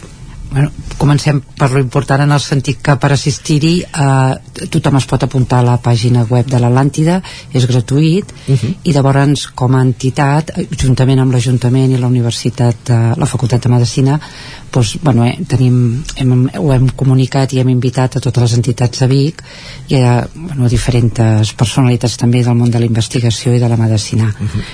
Llavors l'acte consta amb, bueno, amb l'arribada a Vic del doctor Massaguer primer es fa una reunió a la Facultat de Medicina on hem concentrat tota, tot el món mèdic i, sí, i d'investigació Uh -huh. i llavors d'allà eh, es anirà a l'Ajuntament que se- serà rebut per la- per l'alcaldessa i els regidors i, firmaran el llibre d'honor i d'allà ens trasladem a, ja a l'acte en si a l'Atlàntida que comença a dos quarts de vuit i que consta doncs, bueno, de la benvinguda explicar el motiu i l'objecte d'aquest premi llavors també una visualització de com s'ha produït el concurs entre els alumnes de l'Escola d'Arts i Oficis de Vic i el motiu perquè es va escollir el, el guardó que és corresponent llavors ens farà per part del doctor Imany la glosa del doctor Massaguer una visualització també de, de així és un resum de les activitats del doctor Massaguer. Llavors una entrevista per part del Vila Rodà al doctor Massaguer unes peces, unes peces musicals preferides i del mateix doctor llavors lògicament els parlaments de la, la presidenta del Parlament de Catalunya i dels dos consellers que assistiran a l'acte i de l'alcaldessa i bueno, entrega també del galardó per part del president de l'entitat en Joan López. Comentava abans de- d'adquirir la reserva d'espai a través del web de l'Atlàntida. És com qui compra una entrada per anar al teatre diguéssim, però, Sí, sí, però sí. fent-ho amb, amb, amb aquest acte diguéssim i, i amb la- l'entrada gratuïta Uh, es comentàvem això, el fet de, de reconèixer una figura de, de renom internacional el que ja està clar amb aquest primer guardó del Premi Ciutat de Vic és que el premi no, no es lliura una persona de la ciutat sinó que tothom hi és eh, en aquest aspecte candidat no? Des del, tothom evidentment que sigui una figura relle rellevant en, en el seu àmbit ens, ens interessa i ens preocupa i ens motiva el Vic en fora és a dir, i quan- diem Vic no diem només en, terme, en sentit de terme municipal uh -huh. que això seria molt redaccionista sinó com a concepte nosaltres pretenem que Vic sigui denominació d'origen en matèria de drets humans i drets universals i drets humanístics per tant des d'aquesta perspectiva el, tant la idea del premi com la idea del premiat sigui persona o institució és eh, reconèixer una trajectòria que vagi a favor del que en diem la persona eh, amb l'interès centrat en la persona no? Aquesta és la idea. Per tant no és un, no és un guardó sectorial sinó que generalment sempre tendirà a premiar trajectòries perquè al llarg dels anys una persona pugui haver acumulat suficient generositat i suficient servei envers els altres com perquè sigui, entenem, modestament mereixedor de, de la, del guardó. Abans ho esmentava la Rosa Maria Varela, eh, aquest guardó eh, l'han fet els alumnes de l'Escola d'Art i, Disseny, i Superior de Disseny de Vic, és una, una peça de bronze, no sé si ja és pública o que ens en podeu avançar de com és aquesta peça, diguéssim. Aquesta peça és, eh, lliga molt amb l'esperit del que és la idea del premi. Vam, vam tenir llargues converses tant amb els alumnes com amb els professors. A ells els hi va interessar molt com a experiència formativa reunir forja i disseny hi va haver diversos debats i a partir d'aquí home, el que és la imatge encara no, no la fem pública perquè pretenem que sigui una mica sorpresa uh -huh. en aquest sentit però jo que et diria que eh, simbòlicament eh, diguem-ne inspira molt amb una idea d'un infinit entès per infinit no un infinit buit de contingut sinó un infinit d'esperança en moltes coses que en aquests moments veiem que en el, en el món li fan falta no? Uh -huh.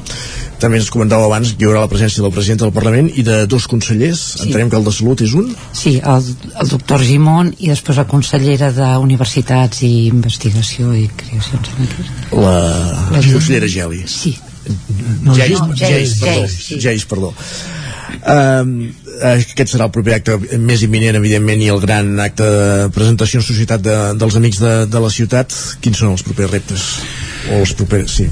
Mira, pr primer és eh, eh, fer bé aquest acte, això estem allò que diríem molt concentrats en, en aquest tema perquè pensem que pot marcar un precedent interessant després en tot aquest temps de, de contactes que hem anat establint en aquests moments tenim uns 180 simpatitzants uh -huh. que tindríem ganes abans de, durant el mes de maig poder-los reunir i fer una proposta del que considerem que li convé a la ciutat de cara al futur és dir, que ens ajudés a elaborar el pla de treball dels propers dos anys això serà el més immediat, a part de mantenir el cicle de conferències que ja vam iniciar l'any passat, per exemple amb el tema de les monedes dels bitcoins i, Correcte, i, sí. i companyia, diguem així mantenir aquesta aquesta dinàmica de com a mínim dos o tres conferències anuals.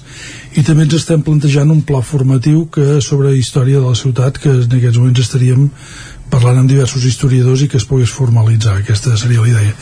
I una aspiració que veuríem si la podem engegar aquest any si no seria com a projecte de l'any que ve que és la creació d'una escola de ciutadania és dir, per, per persones que des de, insistim des d'aquest compromís cívic vulguin dedicar-se als altres a partir d'una perspectiva pública uh -huh. Aquesta, aquest, això seria el més immediat Joan López, Rosa Maria Varela, gràcies per ser avui al Territori 17. Gràcies a vosaltres. A vosaltres.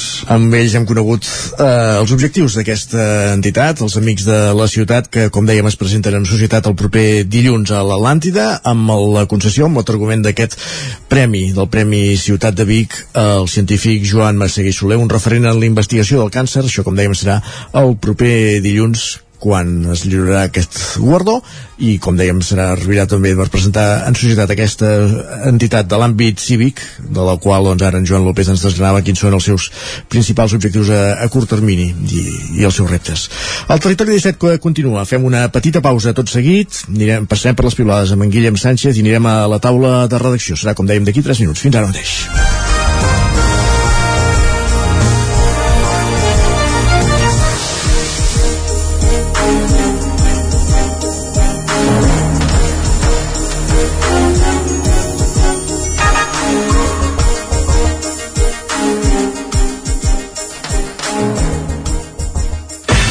El nou FM, la ràdio de casa, al 92.8. La vida i la naturalesa han portat Ernest Gingó a crear el seu primer disc i tu el pots ajudar a fer-lo realitat.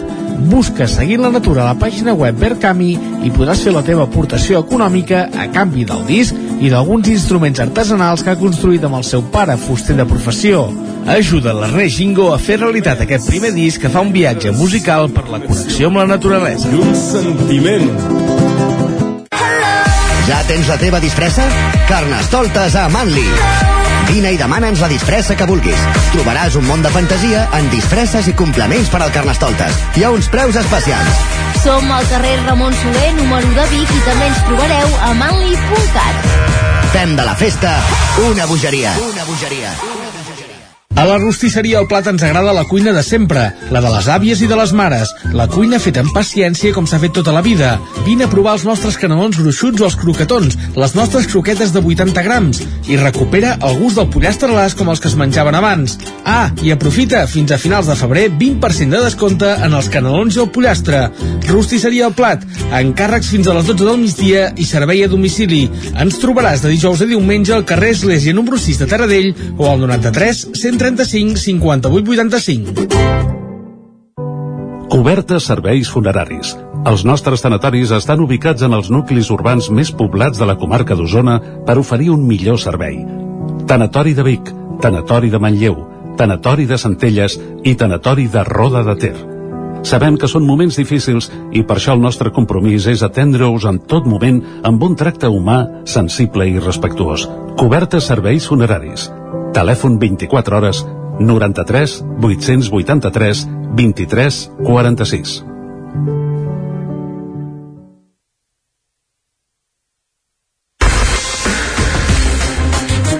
El nou FM, la ràdio de casa, al 92.8. Cocodril Club. Si t'agrada la bona música dels anys 60, 70 i 80, escolta el 9 FM als matins de dissabtes i diumenges d'11 a 1. És el temps del Cocodril Club, tot un clàssic de la ràdio, amb les bases del pop-rock, les llegendes, les cançons que s'han convertit en autèntics himnes. Recorda, dissabtes i diumenges al matí, d'11 a 1, al 9 FM 92.8. Cocodril Club, el programa revival de l'Albert Malla. Hasta cocodrilo. Anuncia't al 9 FM. La màquina de casa. 9 3 8 8 9 4 9 4 9 Publicitat arroba al 9fm.cat. Anuncia't al 9FM. La publicitat més eficaç. El 9 FM, el 9 FM, el 9 FM, el 9 FM. En punt, dos quarts d'onze al territori 17.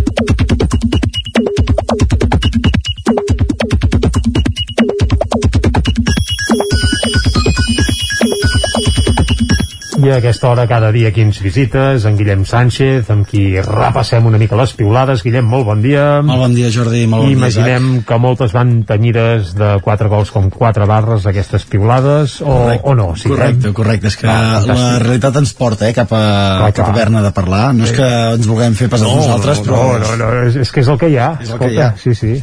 Doncs vinga, va, per on ho arrenquem, això? Vinga. Doncs va, per un tuit de la Noèlia que ens comparteix les següents reflexions, diu és avançar-me molt als esdeveniments, però si el Barça de Xavi em regala l'oportunitat de gaudir d'adulta com ho vaig fer de nen amb el Barça d'en Guardiola, em convertiré en una àvia nostàlgica pesadíssima.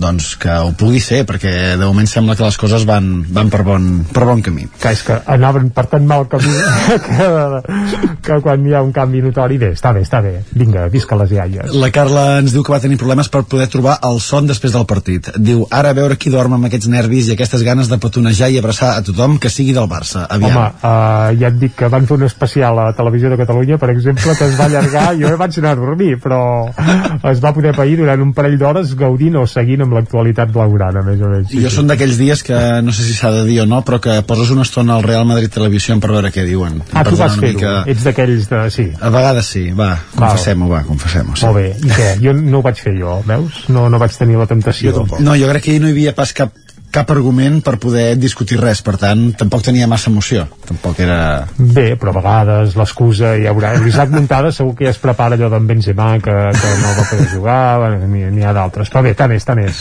Va, l'Andreu ens fa un recordatori i ens diu la victòria d'avui és més important que la Copa del Rei guanyada la temporada passada, doncs Home, possiblement. Totalment d'acord, la d'ahir per això ja ha caducat el d'avui, però bé, bé. I en, Robert, I en Robert posa per escrit el que varen pensar tots en algun moment, que ens diu el bany és fins i tot superior al del 2 a 6, n'haguéssim pogut fotre 7 o 8 sense problemes. I potser més i tot encara. Sí, no, també, també, val, sí. també val a dir que el Barça va estar afinat de cara, va tenir la punteria afinada eh? que, que altres partits sí. dispara i no entra Bé, I el millor del Madrid, també cal dir-ho, va ser el seu porter. Correcte. Això correcte, també ho hem de, de dir ben clar. Uh -huh. I En aquest sentit, en Miquel també ens feia una aportació, ens diu el Madrid ja, ja s'esperava el bany i per això vestia de, de dol. De negre, sí. Això suposo que molta gent hi va... Això és, això és un altre debat, eh? però un Barça-Madrid sí. que vagi de negre i l'altre És groc estrany, això eh? És molt estrany. Uh, sí, això, cota el blanc i blaugrana, a més De- serà de- que es de- confonen el blanc i el blaugrana. És que clar, a vegades és la segona Si si té excusa, Si però... ja està fet es- expressament que hi hagi tanta diferència, no? De colors clar. entre els dos.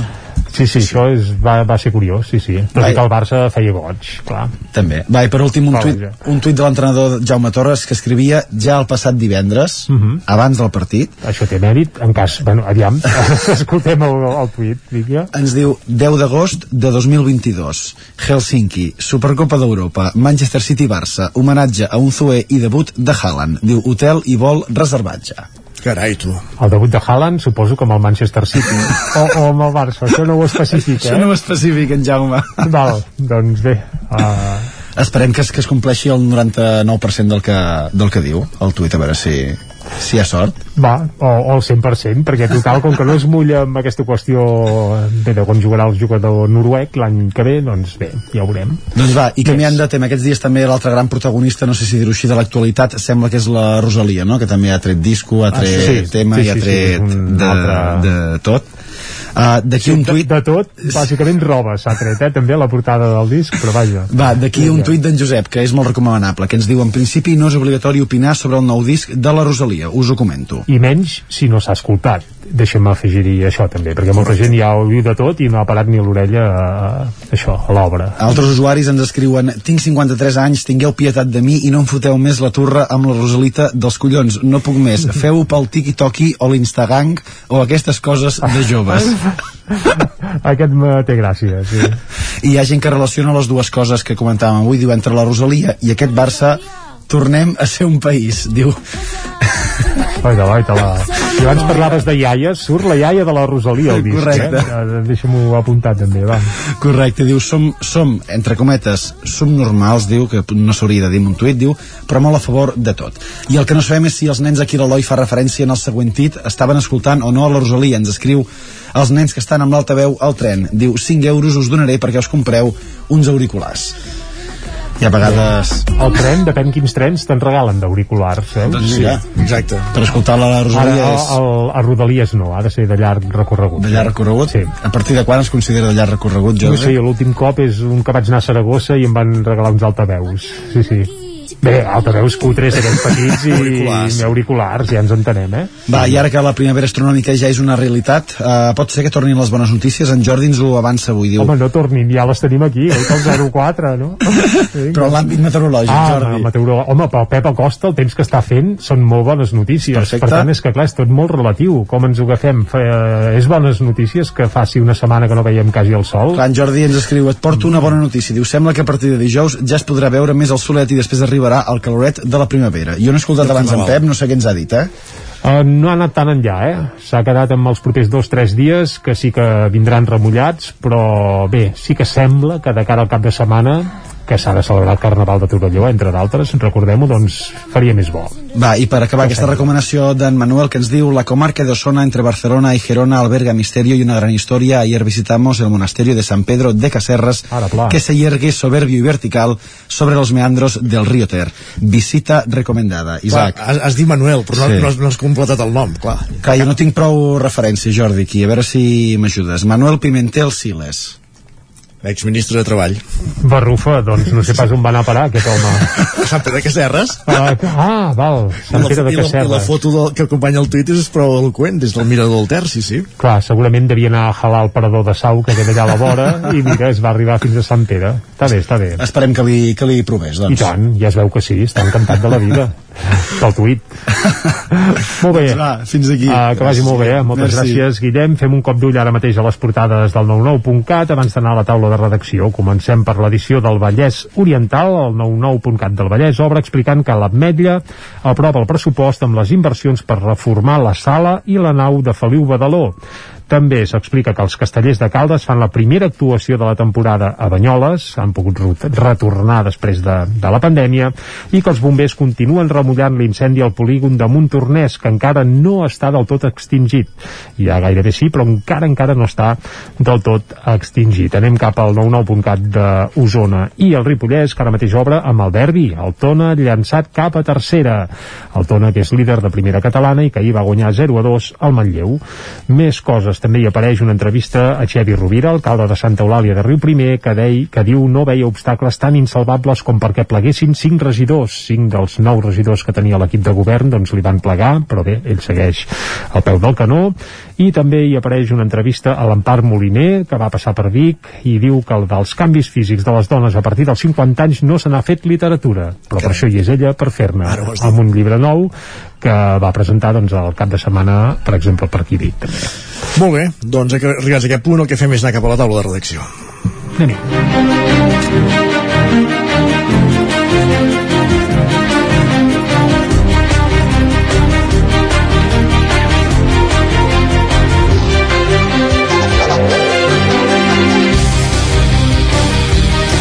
Avui en companyia de Guillem Freixa i ens traslladem a l'Atlàntida. L'Atlàntida ha estat escenari aquest cap de setmana de, de moltes coses, però ens fixem en un acte que s'hi va celebrar dijous a la tarda, eh, on s'hi desgranaven, on s'hi radiografiaven els reptes socials i econòmics de, de la comarca a curt mitjà termini. És això, eh, Guillem? Sí, uh, exacte, eh? la, la sala Joaquim Maideu de, del Teatre L'Atlàntida de Vic, la sala petita, per entendre'ns, d'aquest complex cultural que dijous dijous a la tarda va acollir aquest acte per radio radiografiar el futur de la comarca d'Osona en cinc eh, àrees estratègiques o que es consideren estratègiques per al desenvolupament de la comarca. Una mica per posar en context, eh, l'any 1992 eh, el Consell Comarcal d'Osona va treballar un document que es deia Osona 21, Pla Estratègic Osona 21, en què a través de diverses enquestes, de diverses conferències d'experts, de tècnics, també de polítics, doncs es posaven una mica les bases de com havia de ser el futur de la comarca d'Osona en el segle XXI. D'aquí se'n van treure diverses conclusions i, curiosament, eh, moltes d'aquestes àrees de treball doncs, es repetien en aquest acte de dijous a l'Atlàntida, des de la mobilitat fins a la digitalització de la societat, eh, també la voluntat d'una indústria més diversificada, recordem el pes tan important que té a la indústria agro agroalimentària i en concret el porcí a la comarca d'Osona, doncs una mica amb aquesta idea eh, més eh, concentrat, amb una píndola més concentrada eh, d'aquest acte dijous a la tarda, doncs eh, es va fer un, una cosa similar al que s'havia fet a principis dels 90 i com dèiem, es van dividir en cinc àmbits, en cinc línies de treball estratègic i a través de la conversa de polítics i tècnics amb el director editorial del 9-9, amb Agustí Danés, es, es va anar desgranant en quines situacions trobem amb cada una d'aquestes parcel·les i cap on, cap a on hauria d'anar la comarca d'Osona. Per exemple, el primer bloc eh, tractava la digitalització. El tema de la digitalització es va seure a la butaca Joan Busquiel, que és el director de l'àrea TIC de la Universitat de Vic, Universitat Central de Catalunya, i una de les primeres idees que va deixar anar interessant és que ja no hem de parlar de transformació digital, aquest eh, concepte eh, que hem anat repetint eh, al llarg del, del temps o de les últimes dècades de transformació digital, com ens hem d'adaptar a la transformació digital. Ell deia que això eh, ja està passat de moda per entendre'ns i que ara el que hauríem de dir és convivència digital, perquè eh, aquesta transformació ja, ja ha arribat per quedar-se, aquestes eines digitals ja han arribat per quedar-se, no marxaran, per tant és més una convivència digital el que hem de fer ara que no pas una transformació. I ell també destacava tres àmbits de treball importants en el futur de la comarca d'Osona en aquesta parcel·la digital i deia d'una banda la ciberseguretat, cada cop fem més coses a través d'aquest entorn eh, digital, també la connectivitat perquè voldrem estar ben connectats a, a tot arreu, a tota hora en el futur i també parlava del blockchain i aquí Agustí Danés li deixava anar tradueix-me tradueix blockchain, què sí, és això? Aquests anglicismes a vegades ens perden a tots, sí, eh? i ell ho va eh, descriure com una tecnologia que permet donar seguretat en relacions digitals que en generen poca de, de seguretat o de confiança, una mica com un notari per assegurar que les coses es, es fan bé. Tot seguit va ser el torn de la transformació del sector agroalimentari. En aquest cas, amb qui es va conversar va ser amb l'alcaldessa de Vic, amb Anna R, que va deixar anar diverses eh, dades que eh, posen de relleu la importància d'aquest sector a la comarca d'Osona i també va entrar per videoconferència videoconferència Sergio Ponsà, que és el, el director del Centre Tecnològic eh, Beta de la Universitat de Vic, i ell eh, va apuntar en això, en un model productiu més sostenible, eh, que el model productiu ha de ser sostenible o no serà, va deixar eh, anar, i també més resilient als canvis, i ho va exemplificar amb el que ens estem trobant aquestes últimes eh, setmanes, que eh, una guerra a Ucraïna doncs, ha fet trontollar eh, moltes de les bases del nostre sistema productiu, tant pel que fa a la puja de, de carburants, com també l'arribada de materials com poden ser els, cereals, els cereals. eh, i va dir això, que cal ser més resilient a aquests canvis que no ens afecten directament, no són provocats directament per nosaltres, però sí que tenen una conseqüència molt, molt important. I també amenaces com les sanitàries, ho hem vist amb la pandèmia, ens ha arribat una pandèmia, ens ha fet capgirar moltes coses i ell parlava de la pesta porcina africana, aquesta amenaça que va sobrevolant el sector en els últims eh, temps i deia que, que cal tenir en compte que pot arribar en un moment o altre i també capgirar-ho tot i per últim posava Osona com un lloc amb molt potencial en l'àmbit de la bioeconomia circular Correcte. també, uh, anar recuperant productes. Per acabar, els tres últims àmbits, mobilitat, salut i educació, en la mobilitat va tornar a sortir l'R3, de fet és un dels aspectes que s'arrossegava també de, de, el que dèiem, eh, d'aquest uh, pla estratègic estratègic Osona 21 de principis dels 90 doncs estem més o menys allà mateix que l'R3 s'hi ha d'apostar i s'ha de transformar. En l'àmbit de la salut es remarcava la importància de la Universitat de Vic i en concret de la Facultat de Medicina sí. i la creació en les properes setmanes de cara ara al mes d'abril-maig de l'Institut de Recerca i Innovació en Salut a la Catalunya Central. Això és un institut de recerca que eh, s'ubicarà o tindrà la seu central aquí a la ciutat de Vic, ramificacions per tota la Catalunya Central, també al Vallès eh, Oriental, i el que ha de fer és un pol d'atracció de professionals eh, sanitaris, se'ls oferirà un àmbit per poder fer recerca i això vol dir que doncs, serà més llaminer venir a treballar aquí a, a la Catalunya central per poder fer recerca en aquest Institut de Recerca i Innovació en Salut i alhora doncs, exercir en els centres sanitaris del territori. I per últim, en educació, mm, Jordi Vall d'Oriola, tècnic del Consell Comarcal d'Osona en l'àmbit de l'educació, doncs també va deixar anar algunes idees eh, molt interessants es va parlar d'educació i de talent i ens deia que no podem mirar el talent només des d'un àmbit acadèmic de la persona que treu el 10 en els exàmens sí. sinó que talent vol dir fer una cosa amb èxit. I ell parlava per exemple de pensar amb les mans o de, de trobar aquest àmbit competencial en els, en els estudis. I no treballar per les empreses sinó amb les empreses a l'hora d'elaborar eh, currículums eh, acadèmics o, o de, de formació. En aquest àmbit també es va posar de relleu l'Escola de Noves Oportunitats, un centre que té per objectiu doncs, detectar, eh, encaminar, potenciar el talent de joves que busquen aquesta segona oportunitat que potser durant la formació obligatòria no l'han acabat de trobar i en aquesta escola doncs, se'ls hi pot donar aquest, aquest enfot concret. Perfecte, gràcies Guillem per fer-nos aquesta radiografia completa dels reptes de la comarca d'Osona desgranats en aquesta jornada dijous a, a l'Atlàntida de Vic. Bon Molt dia. bon dia. Fins després.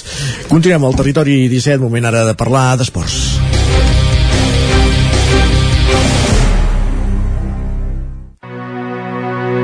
Territori 17 El 9 FM, la veu de Sant Joan, Ona Codinenca, Ràdio Cardedeu, Territori 17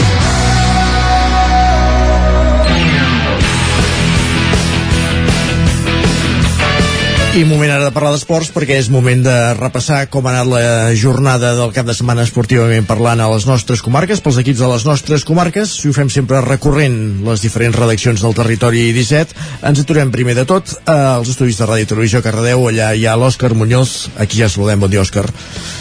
Bon dia. Explica'ns com han anat aquests partits que ens avançaves divendres dels equips de Cardedeu, Llinars, Granollers, tu mateix. Doncs, doncs força bé, la, molt bé, m'ha sorprès, m'ha sorprès. Que és bo. Mentre fèiem el repàs, doncs sí, eh, portem victòries, així que comencem el repàs amb la victòria del primer equip a la segona catalana. Quan va guanyar per 0 gols... Sí, amb el futbol, sí. Eh, això, va guanyar contra el GURB per 0 gols a 3. Mare el Cardedeu va ser superior durant tot el partit eh, i va fer el, el, gol, el primer gol molt d'hora, al minut 2 ja feia el primer i el 38 per acabar la primera part i després ja la segona, al minut 59, faria el tercer, així que bon partit pel primer equip del Cardedeu de futbol. Molt bé. Ens, ens anem a la tercera catalana, Som. on tenim el filial del Cardedeu, que va fer, va fer la del Barça i li va ficar quatre gols al Llerona. Carai. Aquí en aquest cas, el Llerona doncs, va, començar a fer, eh, va començar marcant, al minut 37 feia el primer gol, però el Caradeu va reaccionar a la segona part i faria els quatre gols seguits des del 52 fins al 81. I el Llerona, sense cap possibilitat de remuntar, al minut 90 faria el segon, així que queda al filial 4 i el Llerona dos gols. Carai. Oh. A la mateixa, Això és com el Barça, eh, Lliga. El, el Barça en va fer 4 sí. i, em va, i van queixar 0. però vaja, però està bé, 4 gols, molt bé, 4-2. Sí, bueno, que això seria com contra el Galatasaray, no? Va ser, bueno. Eh, I a la mateixa Lliga, el Llinàs guanya contra els últims, contra el Lliça de Vall per dos gols a un el Nàpols, el, Nàpols, el, últims, el, el Galatasaray no, el Galatasaray va ser més ajustat, va ser el Nàpols, el 2 a 4. Perdona, va, no t'interrompo més. Però està. Llavors, el, això, el Llinàs eh, va haver de remuntar el, un gol que va fer el, el, de l'Olot al minut 70 i va remuntar molt ràpid, va fer els dos gols al minut 75 així que eh, té bona capacitat de, de girar els partits al Llinàs molt bé I acabem el futbol amb l'Esport Club que empata 0 contra l'Olot. A priori, mal partit, però recordem que l'Olot estava situat a la primera posició de la tercera divisió espanyola, així que eh, bon resultat per l'Esport Club que no perd però tampoc o sigui, es rasca un puntet d'aquest enfrontament amb els sempre, primers sempre classificats. Uh -huh. sempre bé. Eh, on no ha anat tan malament és a l'handbol.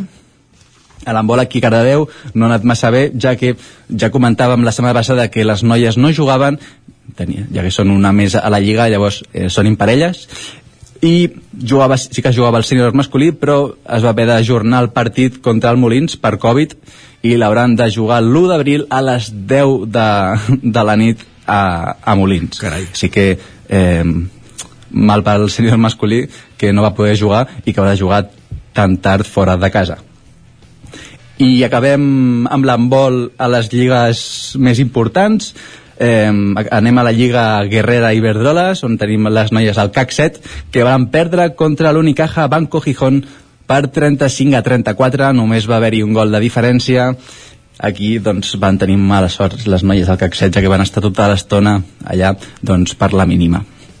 I on sí que es va guanyar va ser els nois, el Franklin Granollers guanya contra l'Ibero Quinoa Antequera per 31 a 29 Perfecte, Òscar. Doncs gràcies per aquest exhaustiu resum de com ha anat la jornada pels equips de Llinars, Cardedeu i Granollers aquest cap de setmana. Anem cap a l'altra banda del Vallès Oriental. Ens inspira la Caral Campàs a una codinenca. Bon dia, Caral. Hola, bon dia. Com ha anat la cosa aquí? Doncs bé, tenim de tot. Començo pel futbol, a segona catalana, el grup 6, Alcaldes, que és líder, doncs, ha superat la Torreta per 3 a 0 i amb aquest partit els calderins encadenen 7 victòries seguides i cada cop, val a dir, són més a prop de l'ascens. I encara en futbol, a tercera, el grup 5, eh, els que no ho van fer també van ser el filial, el Calderí, precisament. Alcaldes B va ser derrotat pels Centelles per 4 a 2 i bé, els usonencs van tancar la primera meitat amb un 3 a 1 favorable i tot i que Alcaldes va retallar distàncies amb el 3 a 0 va acabar perdent eh, davant del que és després d'aquesta victòria el tercer classificat, el, el Centelles. I encara a tercera el grup 5 el Castellterçol va plantar cara a l'Olímpic La Garriga i va aconseguir l'empat a 1 el descompte. Val a dir que preveiem un partit complicat pels del Moianès davant un olímpic que és segon a la classificació, però, però bé, van aconseguir empatar a 1 amb un resultat que s'equipara al de la primera volta, que també van empatar a, a 1. I el Sant Feliu de Codines també a tercera, aquest grup 5 va ser derrotat, en aquest cas pel Roda per 3 a 1 en un partit d'un resultat doncs, imprevist, un Sant Feliu que va estava molt per sobre el Roda de la classificació però i que amb el partit d'anada al SAC s'esperava una victòria uh -huh. però que al final no, no va arribar amb aquesta derrota com us deia davant el Roda per 3 a 1 i finalment per tancar aquest grup de 5 de tercera catalana el Mollà es va endur el partit contra el Sant Vicenç per golejada 4-1 amb un resultat de mèrit perquè els de la capital del Moianès no guanyaven com a locals des del dia 8 de gener. I bé, eh, tot i això el Moià situat a la part mitja de la taula ho tenia força fàcil davant d'un Sant Vicenç que és segon per la cua. I me'n vaig a l'hoquei si et sembla. Sí. Uh, a l'Hockey Lliga Platanor a segona divisió, el Sant Feliu de Codines ha caigut golejat uh, davant uh, el líder i fem candidat a l'ascens l'Arenys damunt per 7 a 2 uh, bé, amb aquest resultat i tot i que els homes de Pardos van plantar cara als locals del Sant Feliu és ara a 3 punts només del descens. I les noies del Vigas i Riells uh, que ja comptaven endur-se el partit a casa contra el Coel Girona van fer reals aquests pronòstics. El partit va acabar per 6 a 2 de fet el maig no podria haver començat millor per les Vallesanes perquè bé, el Girona es va fer el primer gol en pròpia a menys de 5 segons de, de l'inici. Llavors amb aquest 6 a 2 que s'emporten les noies de, del Vigas el, el, les Vallesanes són vuitenes a la classificació. I finalment el rec amb les alcaldes també porta males notícies. Continua en aquesta mala ratxa i ha perdut contra el Malgrat, tot i, tot i fer força mèrit, sobretot a la part final del partit per puntuar contra el Liceu després d'un de, temps mort demanat pel, per l'entrenador, Eduard Candami, que va intentar reorganitzar una mica l'equip, però bé, finalment no, no es van poder endur aquesta victòria i, i els de la Torre Roja, els calderins, encaren així la seva sisena derrota consecutiva uh, per 3 a 2 en aquest cop. Diguem si trenquem la ratxa. Gràcies, Ja Caral. Vinga. Merci. Bon dia. Anem cap als estudis de la veu de Sant Joan, al Ripollès, per conèixer els equips de, el, de, el resultat dels partits, dels enfrontaments dels equips d'aquesta comarca amb l'Isaac Muntades. Bon dia. Bon dia. Com anem? Bé, bé. Va, uh, el... Suposo que alguns millor que d'altres, però cap Va, problema. Ja en parlarem després. Ja parlarem després. Uh, exacte. Jo, jo només preguntava com estaves, res més, eh? Va. Sí, ho has fet amb rintintin. Va, cara i creu a... Digues, digues.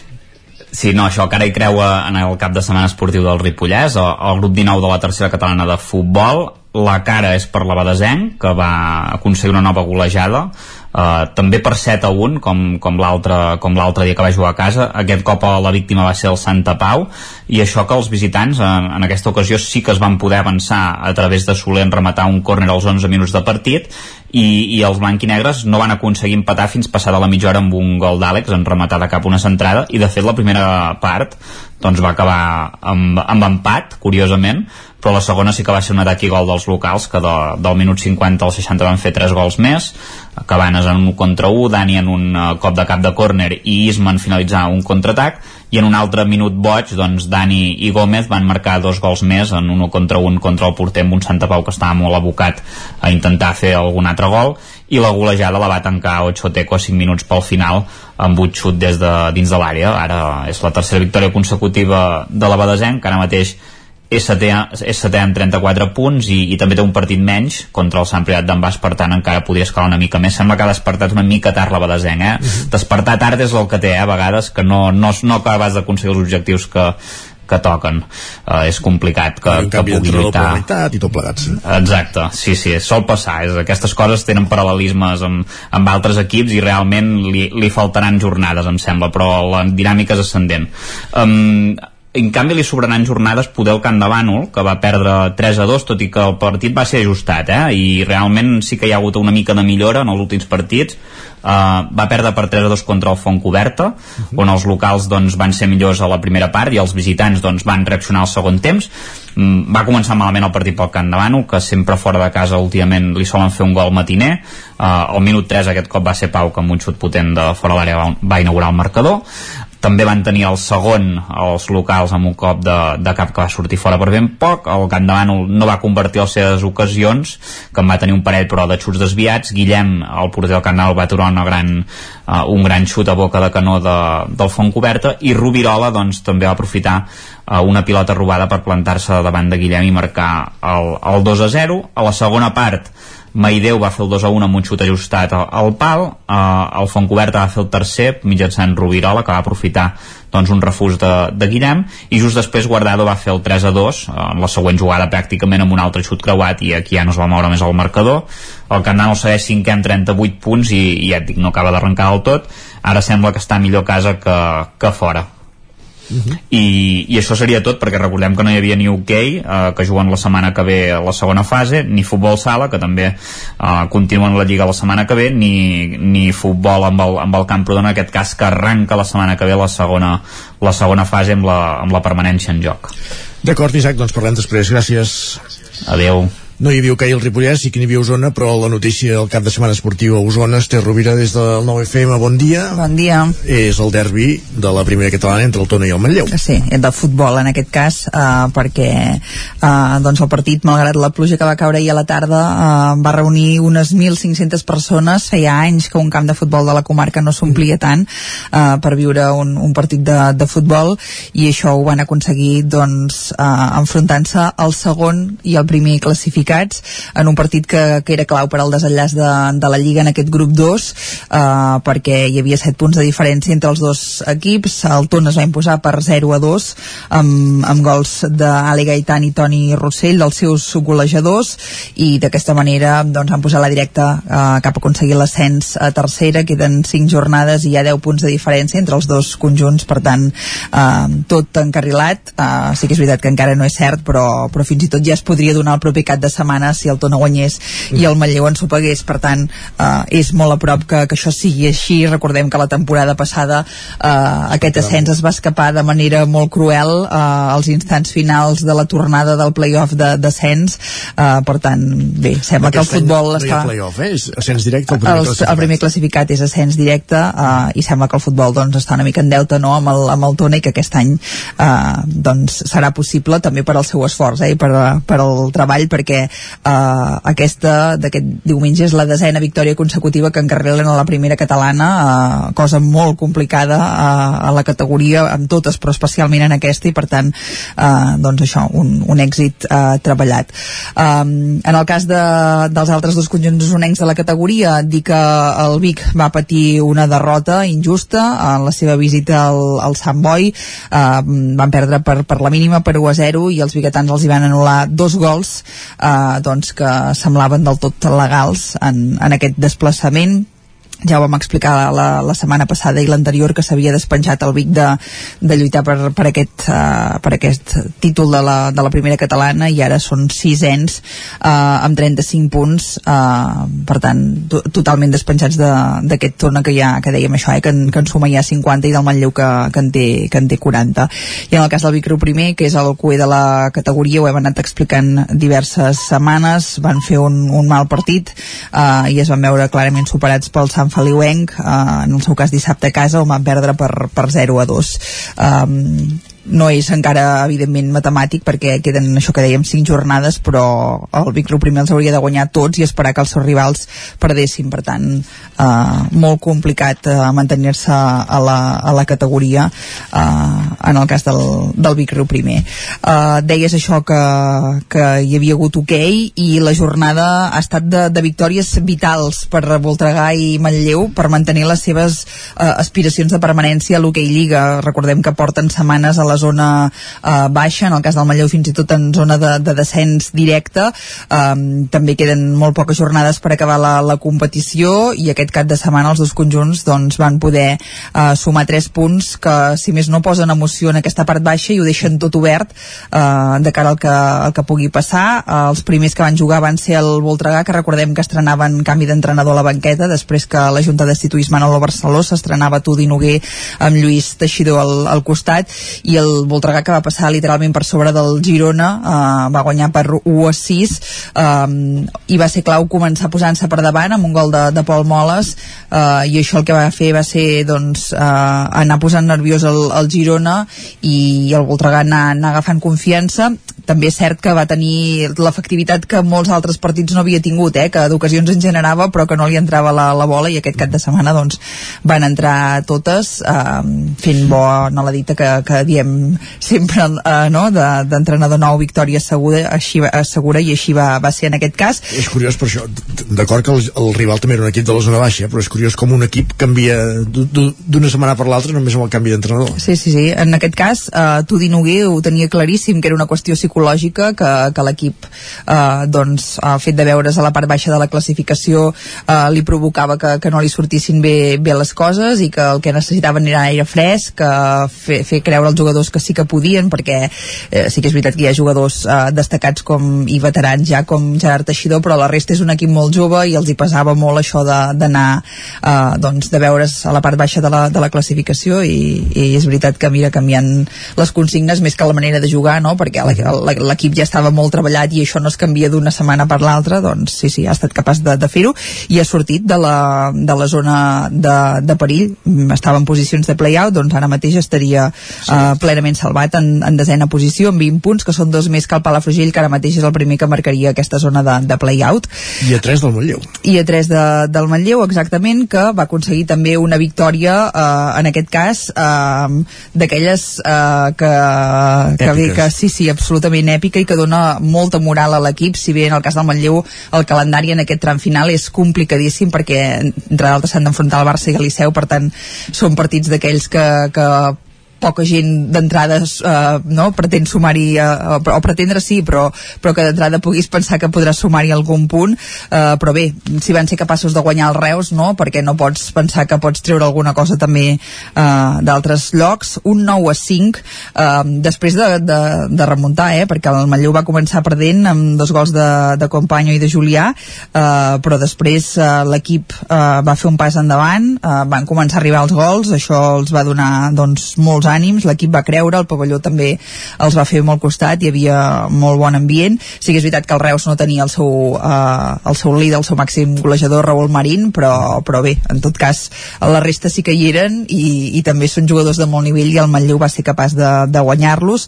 Eh, ara mateix és això, eh, continuen en, en zona de descens directe, però empatats a 17 punts amb el Girona, que ara mateix és el primer que jugaria el, el play-out per, per la permanència. Eh, per tant, tot obert en aquest tram final de, de la competició eh, i per darrere hi ha l'Alcobendes que en té, que en té 4 menys que, que en aquest cas potser sí que ara queda una mica despenjat però és això, Palafrugell 18 Girona 17 i Manlleu també 17 per tant molt, molt interès en, en aquesta part baixa de l'hoquei Lliga.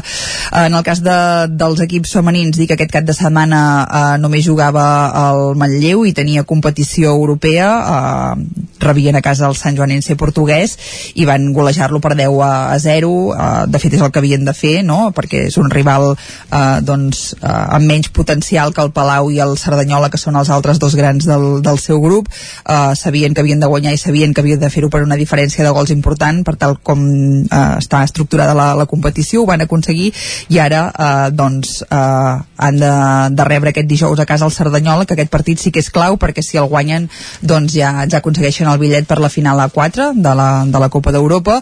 En cas d'empatar doncs hauran d'estar pendents d'això d'altres resultats i de, i de punts que, uh, i de gols que es puguin sumar i en cas de derrota s'haurien de jugar tot l'últim partit amb el Palau i mm, veient com van anar les coses en el partit de, de Lliga segur que el Manlleu prefereix tenir els deures fets abans d'aquest partit. Per tant això, eh, clau dijous a les 8 del vespre a casa contra, contra el Cerdanyola. Um, un parell de, de punts més també de l'hoquei Lliga Plata per explicar que el Taradell va sumar una victòria important davant del Vilanova va guanyar per, per 3 a, a 4 i això li permet doncs, mantenir-se tercer a la classificació del, del grup sud. I en el cas del, del Pativic eh, doncs va patir desencert i li va passar factura a la pista del Sant Just. En va empatar a un gol eh, que el manté en la vuitena posició de un gol no un punt volia dir van empatar, ah, van empatar un gol i va sumar un punt doncs això que el manté vuitè eh, a la classificació.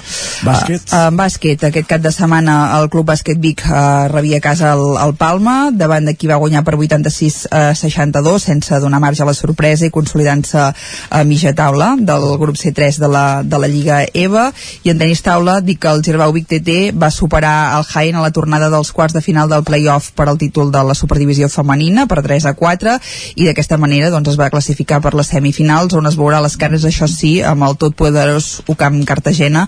Per tant eh, un, repte, un repte difícil però, però bé, en tot però cas impossible. Uh, no impossible. Moltes gràcies Esther doncs. Va, que vagi bé. Bon dia, acabem aquí aquest repàs esportiu moment d'actualitzar-nos al territori. 17 quan passen 6 minuts i mig de les 11 Territori 17 amb Isaac Moreno i Jordi Sunyer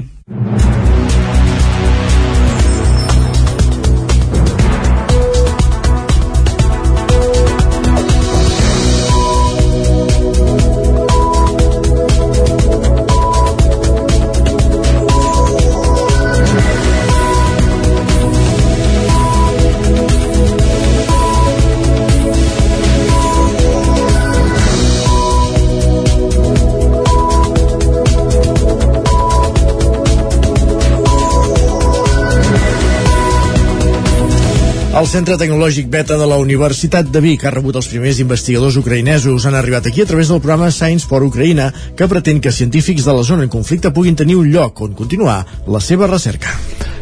El Micola, que té 67 anys, i la Svitlana, de 35, són professors a una de les millors universitats agràries d'Ucraïna. Ara són a Vic, on han arribat fugint de la guerra. El mateix trajecte també el va realitzar la Lidmila, de 34 anys, professora a l'Odessa National Academy of Food Technologies. Són especialistes en tecnologies alimentàries i producció de pinso, també en nous cultius i producció agrícola en general. Gràcies a la iniciativa Science for Ucraïna, s'han pogut incorporar al Centre Tecnològic Beta de la Universitat de Vic, Universitat Central de Catalunya. Albert Palou és el responsable de comunicació del Centre Beta.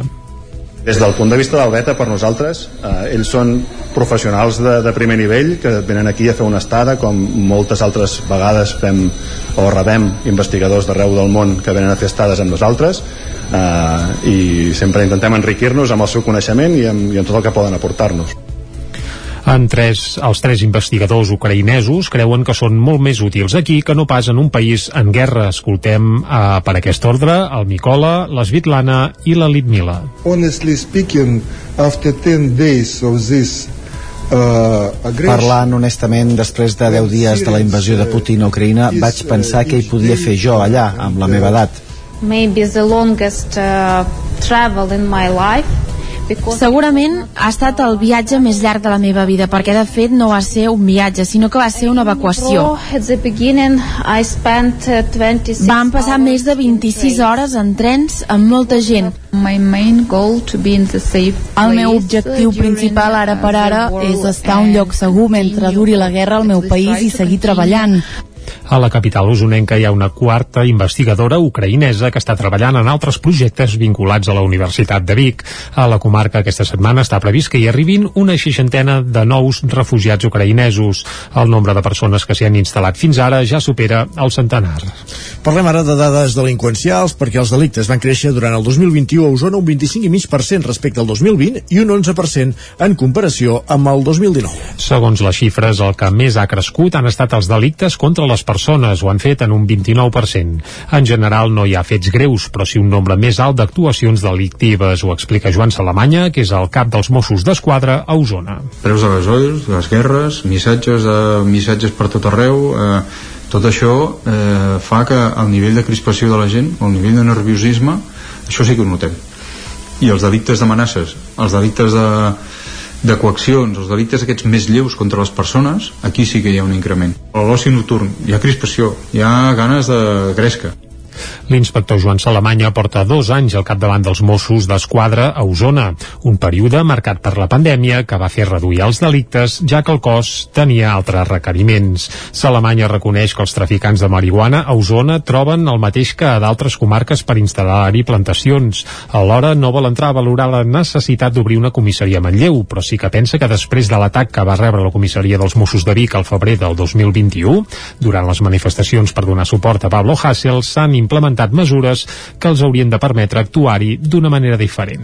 Òbviament, com dic, tenim més material que el que teníem i tenim més formació que la que teníem. Per tant, eh, penso que eh, segurament ho hauríem pogut afrontar millor. Actualment, la resolució dels delictes que es cometen a Osona es mantén una xifra del 38%. Els alcaldes de Trolló, Balanyà, Sant Julià, Sant Vicenç, el Brull i Sobremunt signen el conveni amb Onaigua, l'empresa pública creada pel Consell Comarcal d'Osona i que oferirà els serveis d'aigua en baixa, clavegaram i drenatge urbà en aquests sis municipis de la comarca. A partir del dia 1 d'abril, Onaigua farà arribar l'aigua als dipòsits municipals d'aquestes sis localitats usonenques. Com dèiem, són Torelló, Balanyà, Sant Julià de Vilatorta, Sant Vicenç de Torelló, el Brull i Sobremunt. En total s'ha d'arribar a 11.400 punts de consum. El de divendres divendres era l'últim tràmit administratiu que quedava pendent abans d'iniciar-se l'activitat. Escoltem per aquest ordre Joan Carles Rodríguez, president del Consell Comarcal d'Osona, el conseller comarcal del cicle de l'aigua i alcalde de Sant Vicenç, Eric Sivina, i també a Marçal Ortuño, que és alcalde de Torelló.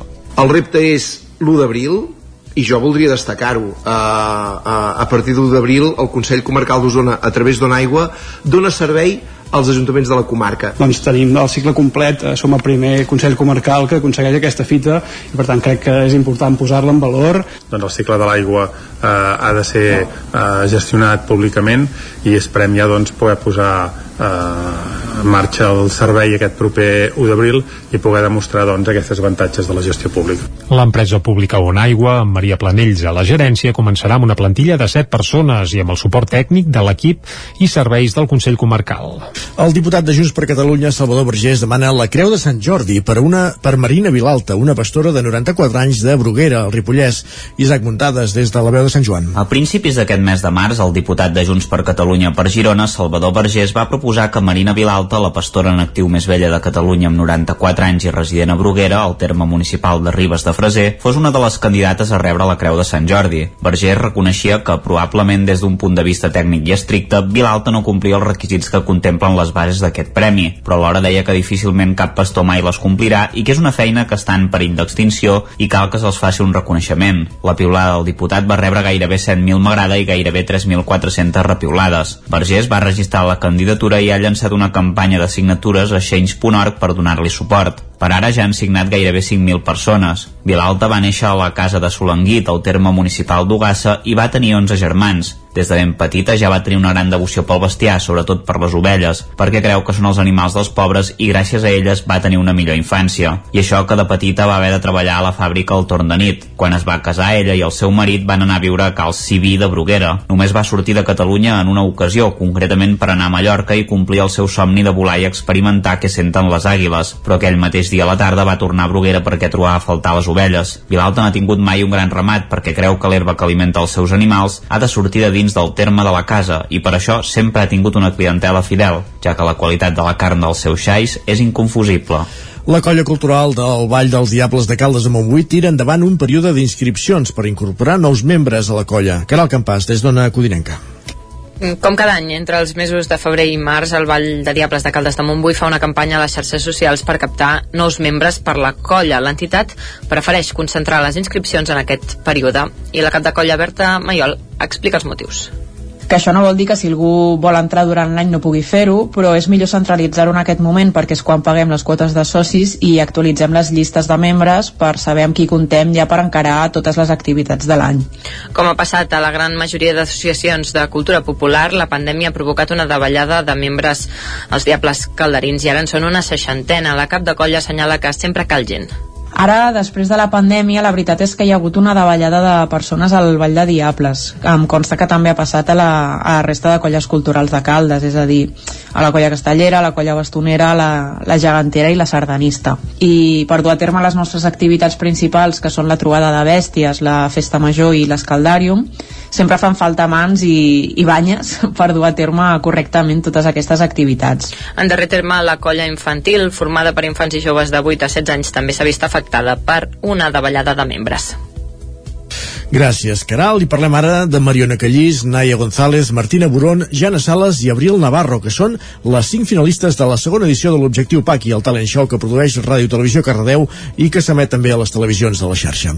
R David Oladell, des de Ràdio Televisió Cardedeu. Les cinc finalistes es trobaran a la gala final el 2 d'abril per descobrir quina és la guanyadora d'aquesta edició del programa. Gisela Quirós va ser la concursant que aquest cap de setmana va abandonar el programa i no va poder superar la semifinal pels vots del públic. La concursant de l'Hospitalet de Llobregat va superar el repte que li havien posat en aquesta gala, la cançó Happier de Never de Billie Eilish, però no va arribar a ser salvada pel jurat i va ser la menys votada pel públic. En acabar la gala es va mostrar emocionada després de veure com els presentadors també es van emocionar en saber el resultat. Les seves companyes que la van acompanyar al final del programa també van rebre amb certa tristor l'eliminació. Les cinc concursants lluitaran ara per la final, una gala de dues rondes. A la primera cantaran les cinc concursants i després d'una primera votació del públic, les tres més votades tornaran a cantar per obrir una segona ronda de votacions per saber la guanyadora del programa. En aquesta gala anterior totes van superar amb nota els seus reptes. Jana Sales oferia un show millo burlesc amb una posada en escena amb els ballarins de J. Evans. Qui també va tenir els ballarins va ser la Naya amb Good For You. Abril Navarro va superar la cançó proposada Me Quedo Contigo, acompanyada de música en directe amb cello. Qui també va tenir un petit acompanyament musical de contrabaix i saxo, en aquest cas, va ser la Mariona Boron, que va cantar Corrandes d'exili.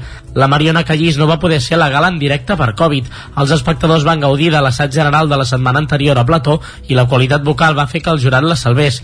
Ella i la seva família van rebre la notícia en directe des de casa, connectada a través de videoconferència.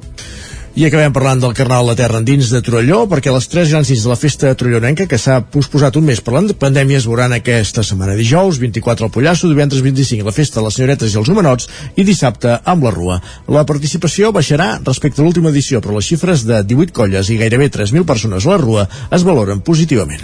18 carrosses, 10 en la categoria de carrosses grans i 8 en la de petites, desfilaran pels carrers de Torelló aquest proper dissabte en la Rua del Gran Carnaval d'Osona, que s'ha posposat en guany un mes per la pandèmia. Tot i que la xifra és inferior a la de l'última edició, quan hi van competir 24 grups, des de l'organització es valora molt positivament després de la suspensió de l'any passat. Marc Tienda és el portaveu de les entitats organitzadores del Carnaval de Torelló. Algunes carrosses s'han fusionat, algunes carrosses eh, han baixat del carro i n'han sortit, i n'han sortit de noves, amb un total de 2.910 participants, amb colles carrossaires, per tant, eh, estem molt contents i creiem que és una, una xifra positiva després de, de passar aquesta pandèmia i de tenir una parada, no?, uh, un any de Carnaval. La rua, que farà el recorregut habitual de les últimes edicions entre la plaça de la Sardana i la plaça Joanot Martorell, s'avança una hora i arrencarà dissabte a les 6 de la tarda. L'Associació Carnaval de Terra Endins i els carrossaires també han acordat que excepcionalment els premis aquest any siguin simbòlics i que la dotació econòmica dels guardons es reparteixi a parts iguals entre totes les colles. Enguany, com a novetat, també s'incorporarà un accèssit a la sostenibilitat. Pràcticament 19 minuts que passen de les 11 del matí. Acabem aquí aquest repàs informatiu que començava en pocs minuts després de les 11 en companyia de David Oloyedell, Jordi Sunyer, Isaac Muntades i Caral Campàs. El territori 17 avança i és moment ara d'endinsar-nos al Solidaris des de Ràdio Vic i amb l'Adrià Oliveres.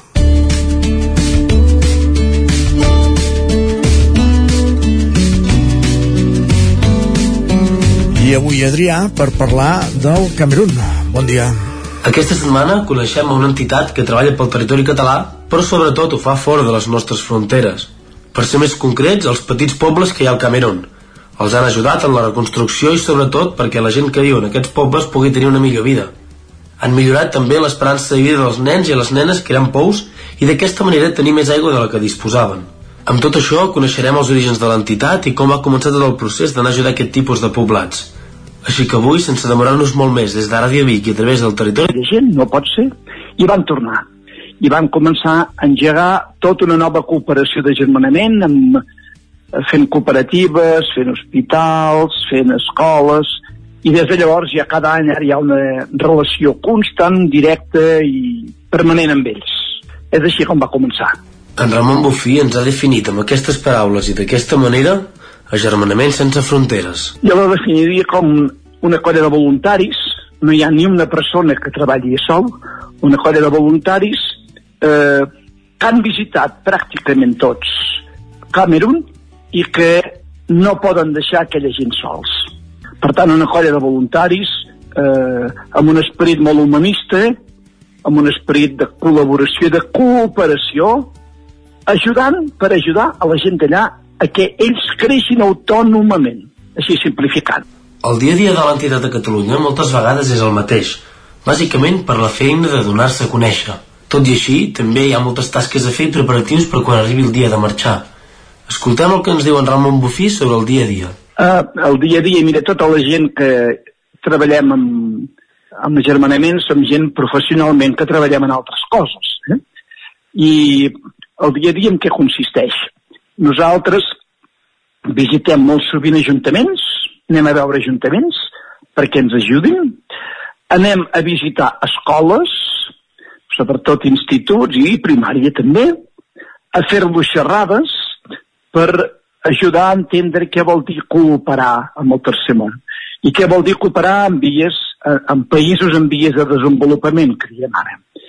Fem moltes xerrades, llavors també eh, fem exposicions a diferents llocs de la comarca, parlo només d'Osona ara, i amb aquestes exposicions eh, a vegades la gent ens dona diners, ens compra coses que venem, hem fet diferents llibres que els hem fet nosaltres mateixos per recollir diners i per escampar alhora el coneixement de germanament. També fem xerrades a casals d'avis, a diferents pobles de la comarca, etc. Això és el dia a dia que vol dir setmana a setmana o mes a mes, perquè ja ara hem passat dos anys amb molta penúria d'activitats. També li hem preguntat per com és el dia a dia a un dels pobles que han anat a ajudar, i això és el que ens ha contestat. el dia a dia és passar-se per la gent d'allà moltes estones asseguts. Mm? Davant, de la, davant de la cabana, sobretot els homes. Els homes passen moltes estones asseguts i les dones és diferent. Les dones són les que cuiden totalment de, de la família, per tant, tota la cosa del menjar, i també eh, les dones són ara, després ho explicaré, les eh, motors de totes les cooperatives de dones que hi ha. Els homes, eh, perdó, són una mica inútils, molts. Eh? També tenim unes quantes cooperatives d'homes. Eh? Els homes treballen molt poc, ara les dones són una eminència. I el dia a dia seu és això, les dones cuidar la casa i anar a treballar al camp. I els homes eh, voltar una mica i veure. Més aviat és aquesta la seva vida. Eh? I canalla, ple de canalla, hi ha molta canalla, molta, molta. Un dels projectes més importants que realitzen a terres del Camerún és muntar cooperatives i d'aquesta manera els ajuden i els ensenyen a fer un tipus de feines. Així ens ho explica en Ramon. És muntar cooperatives. Estem a la selva, els ajudem, ells els ajuden, nosaltres els ho paguem, a desbrossar un tros de selva, els ensenyen com es planta, els ensenyen com s'han de cultivar les coses i cap d'un se'ls dona una, les eines, se'ls dona un petit crèdit i cap d'un o dos anys tornen al crèdit i ja poden subsistir com a cooperativa de 8 o 10 dones, com vol dir de 8 o 10 famílies, independentment de nosaltres. Nosaltres abans hem fet unes formacions durant temps i després els anem convidant a noves formacions perquè puguin ampliar el que estan fent. I d'això, ara n'hi ha ja per aquí d'unes 80 de cooperatives de dones, de dones i algunes dones, eh? I això és extraordinari perquè són 80 empreses, de fet, eh? Això és una, un, el projecte més gran que tenim. En Ramon diu amb el cap ben alt que la gent de Roda de Ter està conscienciada amb el que fa l'entitat i que durant molts anys ha pogut comprovar que pel territori català hi ha molta gent solidària. Jo crec, jo dic ben alt, que la gent de Roda de Ter, que és allò que conec més allà on més ens hem mogut, i de les masies de Roda, està molt conscienciada, molt. Sempre que demanem quelcom per allà, l'acte ens ho dona. Hi ha gent que ens diuen, i si necessiteu alguna cosa més allò d'emergència, aviseu, eh? Però sempre, sempre la gent de Roda ens atén molt bé. Cada any, cada any ens col·labora moltíssim. Gent, eh, tot tipus de gent, eh? això ha sortit de la parròquia, però no, no, hi ha molta gent, la majoria que no tenen res a veure amb l'església i, i són molt sensibilitzats i en certa manera jo crec que miren el treball que una colla de gent fa. I aquells no hi poden anar, doncs col·laboren amb, amb donatius de, de diners, perquè és l'única cosa que acceptem són diners, perquè material no n'acceptem, perquè el, només el transport costa més que no pas el que comprar-lo allà. Eh? No, la gent molt sensibilitzada sempre dic que la gent diuen que avui no hi ha solidaris. No és veritat. Jo crec que la gent són solidària, solidària, sí, sí. Jo en tinc, tinc proves durant anys i anys. Eh? Moltes vegades el futur sol ser incert, però en Ramon és optimista i creu que l'entitat tirarà endavant, però sense saber si es faran els mateixos projectes o se'n faran de nous. Escoltem la valoració que en fa. Jo me l'imagino, me l'imagino eh, amb tota una colla com ara, amb tota una colla de voluntaris, que la gent d'aquesta n'hi ha moltíssim arreu, fent no sabem quins projectes allà, perquè què necessitaran aquella gent d'aquí 10 anys no ho sabem. I jo no crec que d'aquí 10 anys eh, el Camerún, tal com funcionen les coses, no necessiti gent eh, altruista que des d'aquí els envia coses, gent que cooperi des d'aquí. No crec, perquè el procés de democratització, de justícia social, això és molt llarg i més a la selva. Per tant, jo crec que serem una mica més endavant d'on som ara, però no gaire més. Per tant, els canvis no seran gaire. Encara que el futur sigui incert, la feina feta fins a dia d'avui és immensa. A Agermanament sense fronteres no se li podrà recriminar mai res degut als més de 50 anys que porten col·laborant amb els petits poblats del Camerún. Que a dia d'avui tinguin més de 80 cooperatives diu molt del que han fet les generacions de l'entitat i sobretot dels voluntaris que han volgut posar el seu gra de sorra. Sort en tenim d'aquella gent que té esperança en la fe de la humanitat. Sòria, tu ho has dit. Gràcies, Adrià. Nosaltres ara fem una pausa i tornem d'aquí 3 minuts al Territori 17 per acabar el programa. El nou FM, la ràdio de casa, al 92.8. Al restaurant Xavito Gastro de Vic hi trobaràs una cuina mediterrània i de mercat amb gran varietat de plats, amb arrossos, carn o peix fresc de la llotja cada dia. Vine a dinar de dimarts a divendres i prova el nostre menú diari per només 15 euros o a les nits de dijous a diumenge tastar el nostre menú degustació amb arrossos i tapes per 25 euros. Restaurant Xamito Gastro. Ens trobaràs al carrer Callnou número 9 de Vic i al telèfon 93 094 1172 o al 747 42 92 58. Vols aprendre anglès i viure una experiència inoblidable? Estades per a joves a Irlanda, classes d'anglès i un munt d'activitats, allotjats en família o en residència i convivint sempre amb joves d'altres països. També classes per adults i programes per a tota la família. Tures Language and Travel, especialistes en Irlanda des de 1994. Més informació a tures.cat. El Racó de León ja és primavera. Gaudeix de la nostra terrassa, vine a tastar les xuletilles de lechal a la brasa amb una bona amanida o el xuletón de vedella gallega. No et pots perdre el nostre lechado de Castilla al forn o el cochinillo a l'estil de Segovia, tot acompanyat del millor celler, al menjador o fora la terrassa. Descobreix la millor cuina de Lleó sense moure't de casa. Vine amb la família, els amics, la parella o sol. T'encantarà. El racó de León, cuina tradicional lleonesa i de mercat. Som al carrer Torelló número 35 de Vic. Per reserves, telèfon 93 889 1950. El racó de León, una cuina diferent. Arriba la primavera i tornen les samarretes. A Gràfic tenim una extensa varietat de samarretes per vestir el teu personal, promocionar la teva empresa, club esportiu, associació... Si estàs organitzant un esdeveniment esportiu o una festa cultural, una samarreta és una bona opció per lluir la teva marca. Ja ho saps, si el que necessites per la teva promoció és una samarreta, Gràfic Cert és el teu proveïdor. I ara també tenim a la teva disposició samarretes 100% reciclades tant de cotó com de polièster. No esperis més i truca'ns al 93 886 12 15 o visita'ns a graficcert.com. Cobertes serveis funeraris. Els nostres tanatoris estan ubicats en els nuclis urbans més poblats de la comarca d'Osona per oferir un millor servei. Tanatori de Vic, Tanatori de Manlleu, Tanatori de Centelles i Tanatori de Roda de Ter. Sabem que són moments difícils i per això el nostre compromís és atendre-us en tot moment amb un tracte humà, sensible i respectuós.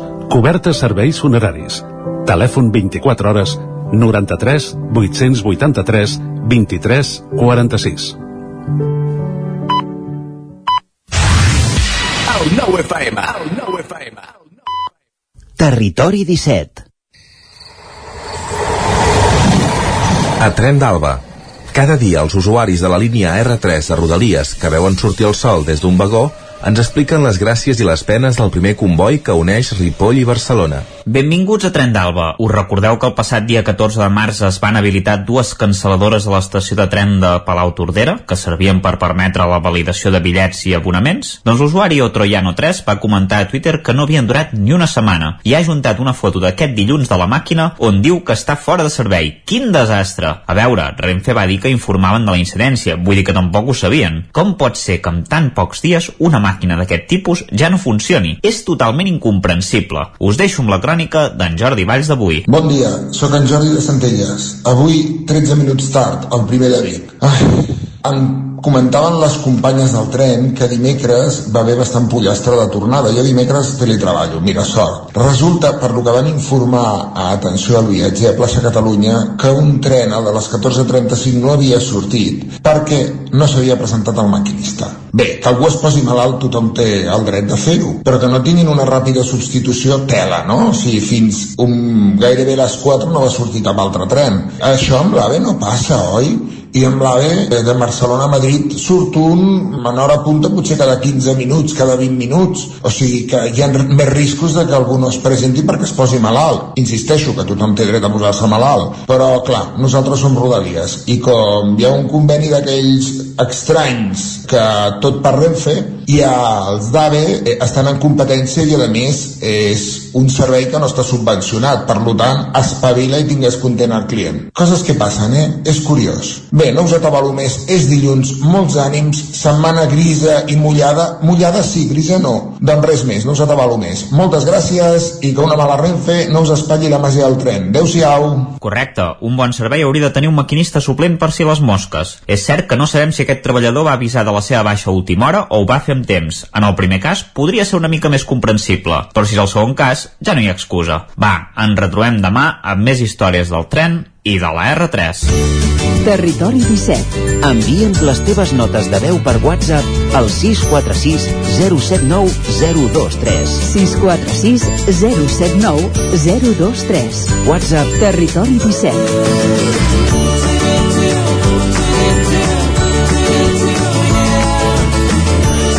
Territori 17. Som a Facebook, Twitter i Instagram amb l'usuari Territori 17.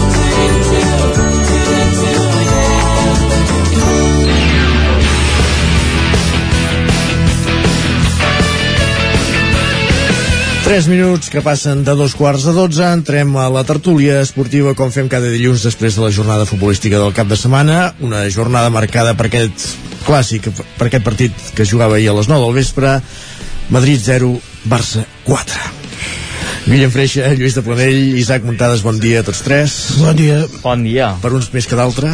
Mal. Suposo. Has vingut, eh, Isaac? Sí, eh? Sempre vinc. No, està bé, està bé. Sempre vinc. No puc dir el mateix de tu en totes les altres vegades. Hosti, ja la punyalada trapera. No, bueno, jo crec que ahir hi va haver un punt d'inflexió. La, la... Vale. Des, no. Després ja t'explicaré. No, m'ho explicaràs, no. Jo crec que hi va haver un Sí, sí. Barça que és cap on ha d'anar aquest Barça. Vull dir, veure el potencial que té aquest Barça. Ara falta consolidar-ho i, i que sigui una cosa regular. Però jo crec que es va veure un gran Barça i també es va demostrar que el Madrid mm, jo aquest dia l'he anat defensant que mm, aquest any guanyarà la Lliga perquè no ha tingut rival al Madrid um, és la Lliga de la mediocritat això d'aquest any de, de, de la primera divisió espanyola perquè no, no, no ha tingut rival al Madrid Però si no. la Lliga eh, és mediocre i el Barça no va ni segon. no, no, és que el Barça durant gran part de la temporada ha sigut un Barça mediocre vull dir, ara tampoc amagarem les vergonyes la gent del Barça, però ahir la superioritat del Barça al terreny de joc és molt, molt gran i, i no s'atraparà el Madrid perquè el Madrid ha aconseguit una distància molt, molt gran i, i és, és pràcticament impossible uh, fer-ho però, ostres, uh, jo crec que aquesta lliga amb una mica més de de nivell del Barça estaríem parlant d'una altra cosa al, al capdavant I una mica més de nivell dels altres equips també. Sí, però això no sol passar els últims anys costa més, no? Almenys una cosa entre, entre Barça i Madrid Isaac, quan feies aquell paral·lelisme abans que deies que la Badesenga havia arribat tard a la competició, ho deies com d'altres, volies dir, parlar del, Bar- parlaves del Barça també. Evidentment. Suposo que s'ha entès bé, no? Perquè parlava efectivament del Barça. A mi a mi m'agrada, eh, aquest uh, èxtasi després que el Madrid ahir deixés una mica de peixet perquè el Barça es cregués que po podia fer alguna cosa. Més gran serà la caiguda després. Jo només vull recordar jo només vull recordar que aquesta temporada 2 a 1, que són els clàssics que ha guanyat el Madrid. El Madrid ha guanyat un clàssic a, a la Supercopa d'Espanya, que va ser decisiu, que s'hi jugava un títol en joc. Uh, va guanyar el clàssic de la primera volta que va servir per fer el coixí. El Barça ha guanyat un clàssic intrascendent que no servirà per absolutament res perquè el Madrid guanyarà la Lliga. Mm, vull dir 12 que és la xifra un moment, un moment. Que és la xifra de 12 punts que ara mateix té el, el Madrid sobre el Barça, el Madrid n'estic quasi bé segur que guanyarà tots els partits que queden d'aquí al final de la Lliga perquè doncs alguns van quedar tocats d'orgull i voldran demostrar que, que això d'ahir va ser un accident, que és efectivament el que va ser perquè recordem-ho, el Madrid ahir no jugava doncs el millor jugador de la Lliga i del món, sí, sí. Benzema. Per tant és una altra història, no jugava Mendy que també és un jugador molt important, no hi havia Mbappé i Haaland que l'any que ve hi seran els dos, ara ja us puc dir que Haaland hi serà, i serà segur, perquè després del partit d'ahir us, ho us ho puc assegurar que, que vindrà. Ja veurem si, si a més a més eh, ve algun altre entrenador també, perquè suposo que també hi haurà canvi d'entrenador i que no torni Zidane, eh? que això també seria després de tant parlar de Xavi poder tornar Zidane. I, i també dir-vos una altra dada que també em sembla interessant, 1 de 7 que són els clàssics que ha guanyat el Barça dels últims 7, un el d'ahir, no n'ha guanyat més vull dir, clar, ara està molt bé dir que el Barça ahir va guanyar el partit, va fer un gran, un gran partit i tot el que tu vulguis, bueno, ja m'agradarà veure quants jugadors de, dels que hi havia ahir del Barça eh, continuant la, la temporada que m'agradarà veure si Aubameyang eh, continuarà al Barça, si es pot pagar. No, no sé com s'ha pogut pagar tot això 144 milions eh, de, de, de límits salarial negatius. Mm, també Dembélé no crec que continuï que també va fer un bon partit. Mm, m'agradarà veure alguns jugadors Adam està cedit. Bueno, bueno, no, ahir va ser suplent però bueno, en tot cas eh, Faltava Ansu Fati. ti- ti- ti- sí, sí, sí l'Ansu Fati un jugador que ha jugat 20 partits a primera divisió. Bueno, però... que, és, que ha fet no Ansu Fati les lesions, però... que ha fet Ansu Fati perquè algú va dir ahir no, la baixa d'Ansu Fati és molt important que ha fet Ansu Fati Home, Ansu perquè Fati, clar, quan- si ho comparem sempre que ha sigut el terreny de joc ha sigut determinant i ho vam veure fins i tot en els, eh, en els La regularitat també ser- bueno, perquè sí, suposo que també muscular és important, no? li, li, li, li Vale. costa arrencar jo eh, sí que vaig veure un, un projecte desgastat com el del Madrid no? perquè tu repasses eh, l'alineació del Madrid i veus jugadors que ja estan una mica la Champions uh, de tornada, no? Perquè Casemiro, Kroos, eh, Modric... Tranquil, que l'any que ve ben, ben Benzema, i aquest any, lo de Benzema és una raresa del futbol. Vull dir, un jugador que en, en l'ocàs de la seva trajectòria et fa aquesta temporada que t'està fent, ostres, mm, jo ho trobo una, una raresa. I realment el Madrid ha fet aquesta gran temporada per al grandíssim estat de forma de Benzema i això sí que no, no es pot negar perquè seria negar la- l'evidència vull dir, Benzema Eh, t- també hi ha, hi ha Modric, per exemple. Eh? Sí, però I, i qui, qui les ha acabat endreçant molts dies és, és però la Benzema. defensa també funciona. Bueno, bueno, però el fet més determinant jo crec que ha sigut Benzema i el Barça doncs hi, hi veus diversos jugadors que jo crec que doncs tenen un llarg recorregut per endavant perquè hi veus un Frenkie de Jong que té anys de bon futbol que fa dos dies veus- el lío despatxat. Bueno, perquè el futbol és cruel amb això de, de, de, Molt, de la molt, memòria. molt. Però veus un, un Pedri que jo ara no em llançaré a la piscina i diré que és el successor d'Iniesta perquè seria una Ja injustícia. ja no, no, seria una injustícia i no, no, no es poden fer comparacions. Però sí que se li veuen, per l'edat que té, uns galons i un saber estar al terreny de joc doncs de jugador diferent, de jugador diferencial a, a sobre d'Albert. I veus un, un, un Gavi i un Nico doncs, que també compleixen molt quan són al terreny de joc. Eh, fins i tot diria que l'Eric Garcia, no? Mm, doncs, mica en mica va trobant el seu lloc i que segur que farà errades eh, per, de joventut i d'inexperiència, però que va trobant el seu lloc i bueno, mm, jo veig un, un projecte que té recorregut i ara veurem si es consolida i un molt bon primer pas per consolidar-ho és aquest 0-4 al Madrid.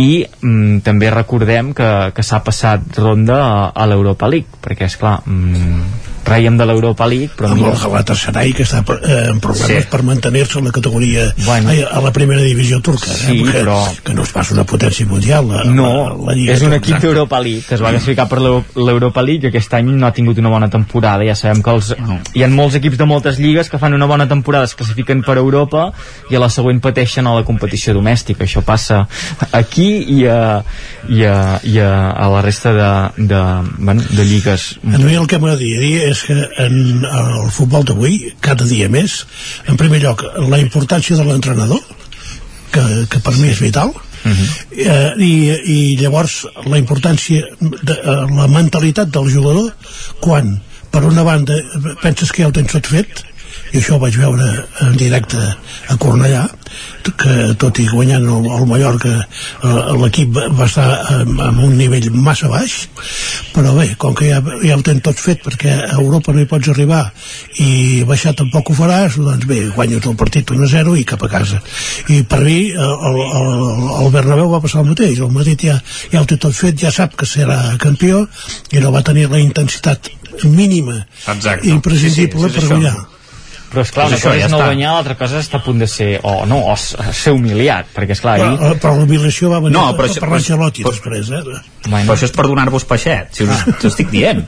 Si és que vosaltres penseu que, que això... No, no, jo crec, jo crec que... Es, Baixet, a més a més ja ens vam vestir de negre expressament. Vull dir que, Sí, això sí. tot, tot està pautat. que aquesta és l'altra. Sí. Tot, tots els equips van sortir amb la Tranquils. samarreta, amb la samarreta de, Sí, sí, sí. l'antiracisme, tots, La- tot la- de la Lliga Espanyola, menys el Barça i el Madrid, perquè Déu no són guard que, que fóssim igual que els altres. i jugar un clàssic eh, amb tots dos amb les samarretes suplents també és ja eh, És curiós. clavar una cosa al Bueno, cul a, a la història i a, bueno, no La sé, setmana que ve el, el- romanticisme de, del futbol no? Mm. La setmana que ve el Barça a l'Spotify ja jugarà contra el Sevilla, eh? Dic Spotify és el, el nou camp, eh? Que es diu així ara. Ara li Sí. direm l'Spotify. Sí, sí. A partir d'avui. Spotify, sí, sí, Spotify Sí. Camp Nou és, jo Tots trobo- allà i de Spotify a Canaletes, eh?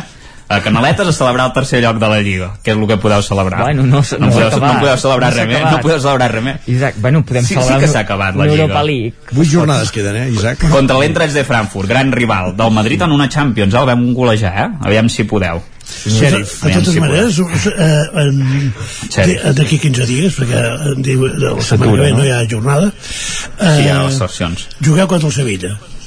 I clar, Exacte. si guanyeu contra el, eh, contra, eh, el guanyeu el Sevilla, afavoriu el Madrid. Sí, pues perquè, clar, no. perquè esclar, llavors pràcticament serà Sí. campió si guanyeu el Sevilla i el Madrid que guanya Celta. però sí, El Sevilla també ha de jugar contra el Madrid, eh? I el Madrid ha jugat amb el Celta vull dir... Amb l'Ossassuna, amb l'Espanyol, amb el Getafe, amb l'Atlético, amb el Llevant i amb el Cádiz. Home, jo em crec que amb el Llevant, el Cádiz, el Getafe, l'Espanyol... L'Espanyol no el diguis, eh? Sí, que juguem a casa contra l'Espanyol. I, Que hi seré, i qui eh? és la... Que hi seré, eh? Sí, seràs? I aniràs al Bernabéu, Ja ho al tinc, Temple? ja, ja ho tinc Sí? previst, sí, sí. Ostres. Don, doncs jo crec que aquests partits els guanyarem, i el Celta també, jo crec que els guanyarem tots aquests, i amb l'Atlètic de Madrid també el guanyarem, i el Sevilla també. O sigui, els guanyarem tots. O sigui, els guanyarem això, i, guany- i, guany- a priori, eh, abans de començar. I, i, i guanyarem la Lliga. Havia de guanyar i... Mira, no, No, ahir ja estava, ja estava previst que Ah, estava previst. I la gestió dels Ja tram final de previst. temporada vull dir, és el que dèiem, el, el món de l'esport bueno, la vida en general, eh, però el món de l'esport és un estat d'ànim i um, compte no, que la distància no s'escurci per una ensopegada tonta del Madrid i bueno, la cosa comenci a, a tremolar és complicat, eh, però l'any 2000 era el 2004, no? la primera de, de la primera lliga de, de Rijkaard també comença el punt d'inflexió del Barça guanyador, aquest cercle virtuós que es va allargar doncs, durant molts anys. També comença precisament amb una lliga no, que el Madrid ja tenia encarrilada, el Barça anava de víctima i guanya el, el Bernabéu mm, i allà En un comença... partit totalment immerescut, aquell partit no es va Bueno. mereixer guanyar-lo el Barça. Sí, això, els mèrits eh, al futbol a vegades ja sabem com, Sí, sí. com funciona. Um, I ara potser ens trobem... com ja has dit? Què has dit? Què has dit? Ha dit com ahir. No, ahir jo crec que es passa per sobre el Barça, vull dir, esclar, uh, el d'ahir, jo, jo em vaig trobar en aquesta situació, eh? vaig veure l'arrencada del partit, estava disfrutant una barbaritat veient, veient jugar, uh, de fet els dos equips, eh? perquè a l'inici de duel no? va ser bastant de, de, de cops a banda i banda, però m'ho estava passant molt bé, m'agradava el que veia, vaig marxar 10 minuts per un tema personal, a posar a dormir el, el nano, i quan vaig tor tornar em vaig trobar amb aquest 2 a 0 abans del descans i vaig pensar, ostres, realment s'ha complert allò de jugar bé i, i, i marcar. Ah, I el que dèiem dels estats d'ànim, mm, el Barça eh, ho tenia tot perdut, o sigui, jo crec que quan arriba Xavi el Barça era un equip a la, a la UCI, a la unitat de cures intensives i més avall era molt difícil de, de caure i, i el rebusiu, els fitxatges d'hivern, totes aquestes incorporacions a Aubameyang jo crec que ha funcionat és que molt, molt, molt bé ningú s'ho podia arribar a pensar que funcionés no així podia alinear cap dels tres, excepte en Sí. Dembélé, cap dels tres davanters que tenia ahir el Barça, eh? no, no, és que és això Perquè en Dembélé tampoc perquè el tenia gairebé prohibit, o sigui que Sí. com que no renovava li van dir que... Xavi el va tenir també vetat, bueno, vetat eh, Sí, que no l'utilitzava Xavi va creure des del primer moment. Sí, sí. En Koeman, jo no sé si per voluntat pròpia o per eh, ordres de dalt, el va tenir a la banqueta i fins i tot Sí. no convocat. Vull dir que la davantera que té ara en Xavi Totalment. no té res a veure amb la que tenia en Koeman. se li ha reforçat l'equip eh, Exacte. mm, I no hi havia diners, eh? M'agradarà saber-ho d'on surten Sí, això, aquests diners. això, per... un dia o altre Això suposo que se sabrà. Bueno. Se sabrà, no? I llavors poder, lo millor, eh, potser des, eh, hi ha un descens administratiu aquí per alguna cosa estranya, no? Poder, al final. Home, això no, bueno, no, bueno. no gosaran pas fer-ho, això. No, no, jo crec que no, no, no, és que no és que no gosin fer-ho, és que jo no em puc imaginar que el Barça a dia d'avui, amb els controls eh, administratius i financers que hi han per part dels organismes del futbol, hagi fet alguna cosa que no es pot fer. Almenys 144, te l'expliques tu? És que, sí. no sé, llavors I- les enginyeries i- i amb- financeres que fan de, de pagar-ho amb terminis de no sé quan, d'avançar uns diners de no sé on, jo no sé si és que mm, és un sector, un àmbit contractes perquè és que si no sí, uh, o Ah, pagar sé, jo, a mi no em quadra eh? Bueno, però és que jo crec que si anéssim a mirar amb lupa tots els equips de primera divisió no, del futbol el, el professional... Madrid no té 758 o Sí, així, el en Madrid positiu. sempre, sí, sí, és clar. El Madrid eh, sempre mai ha tingut problemes econòmics al Madrid, ja ho sabem, que, que, no, que no existeixen els, els problemes econòmics per al Tito Floren. Vull dir, no, no, no sabria què dir. sí que n'havia tingut, eh? Sí. De totes maneres, ahir vau fer, us vau fer mal eh, els culers mateixos. Per què? Perquè si hi havia algun dubte de que vingués en Haaland, ara eh, ja, ja ha quedat absolutament dissipat. Que vingui al Barça. Home, no, al Barça, al Madrid. Per què, per No, què? Madrid, el, Home, perquè el Madrid el fitxarà segur. Després del que va passar ahir. Sí, I què fitxaran? Haaland i Mbappé? Esclar. Sí, Però això no... Sí. Clar, a- adeu Bale, adeu Ha- Hazard, ja, ja lliberem fitxes de jugadors que cobren un, una millonada i Però podem aquí tornem a estar amb el que passa al PSG. Vull dir... Ah, això sí, però... Ah. No, perquè ens traiem de sobre també molts, molts davanters. Nosaltres no fem aquí un equip amb Tu 15 quan- davanters. Tu quan portes un jugador d'aquestes característiques jo crec que li has de vestir el projecte al seu entorn i sobretot en perfils que són no, de, de lluïment ofensiu Però de... Haaland, Haaland no és pas... Ai, en, en Mbappé no és pas un nou. Bueno, però són jugadors de l'àmbit ofensiu. I és un jugador molt assistent. Sí, sí, però són jugadors de l'àmbit ofensiu i que voldran ser les vedets eh, a davant. Jo, jo, en tot cas, eh, en, en, ho veuria amb la competència que hi podria haver amb en, amb en Benzema. Mm. Que aquest sí que és, és, el, sí, sí. és el lloc d'en Haaland. I llavors Sí. ja no sé què en faran amb en Benzema, però el, eh, després de- d'ahir en, Però en això passa el Florentino té més ganes de fitxar-lo que mai al PSG hi han jugadors que són en teoria compatibles al terreny de joc no? Neymar, Messi, eh, fins i tot Mbappé els hem vist jugar junts i no han funcionat jo crec per aquest tema perquè eh, és un tema de, de, de protagonisme de, de per qui juga l'equip um, jo crec que si tu decideixes una, allò, el jugador franquícia no?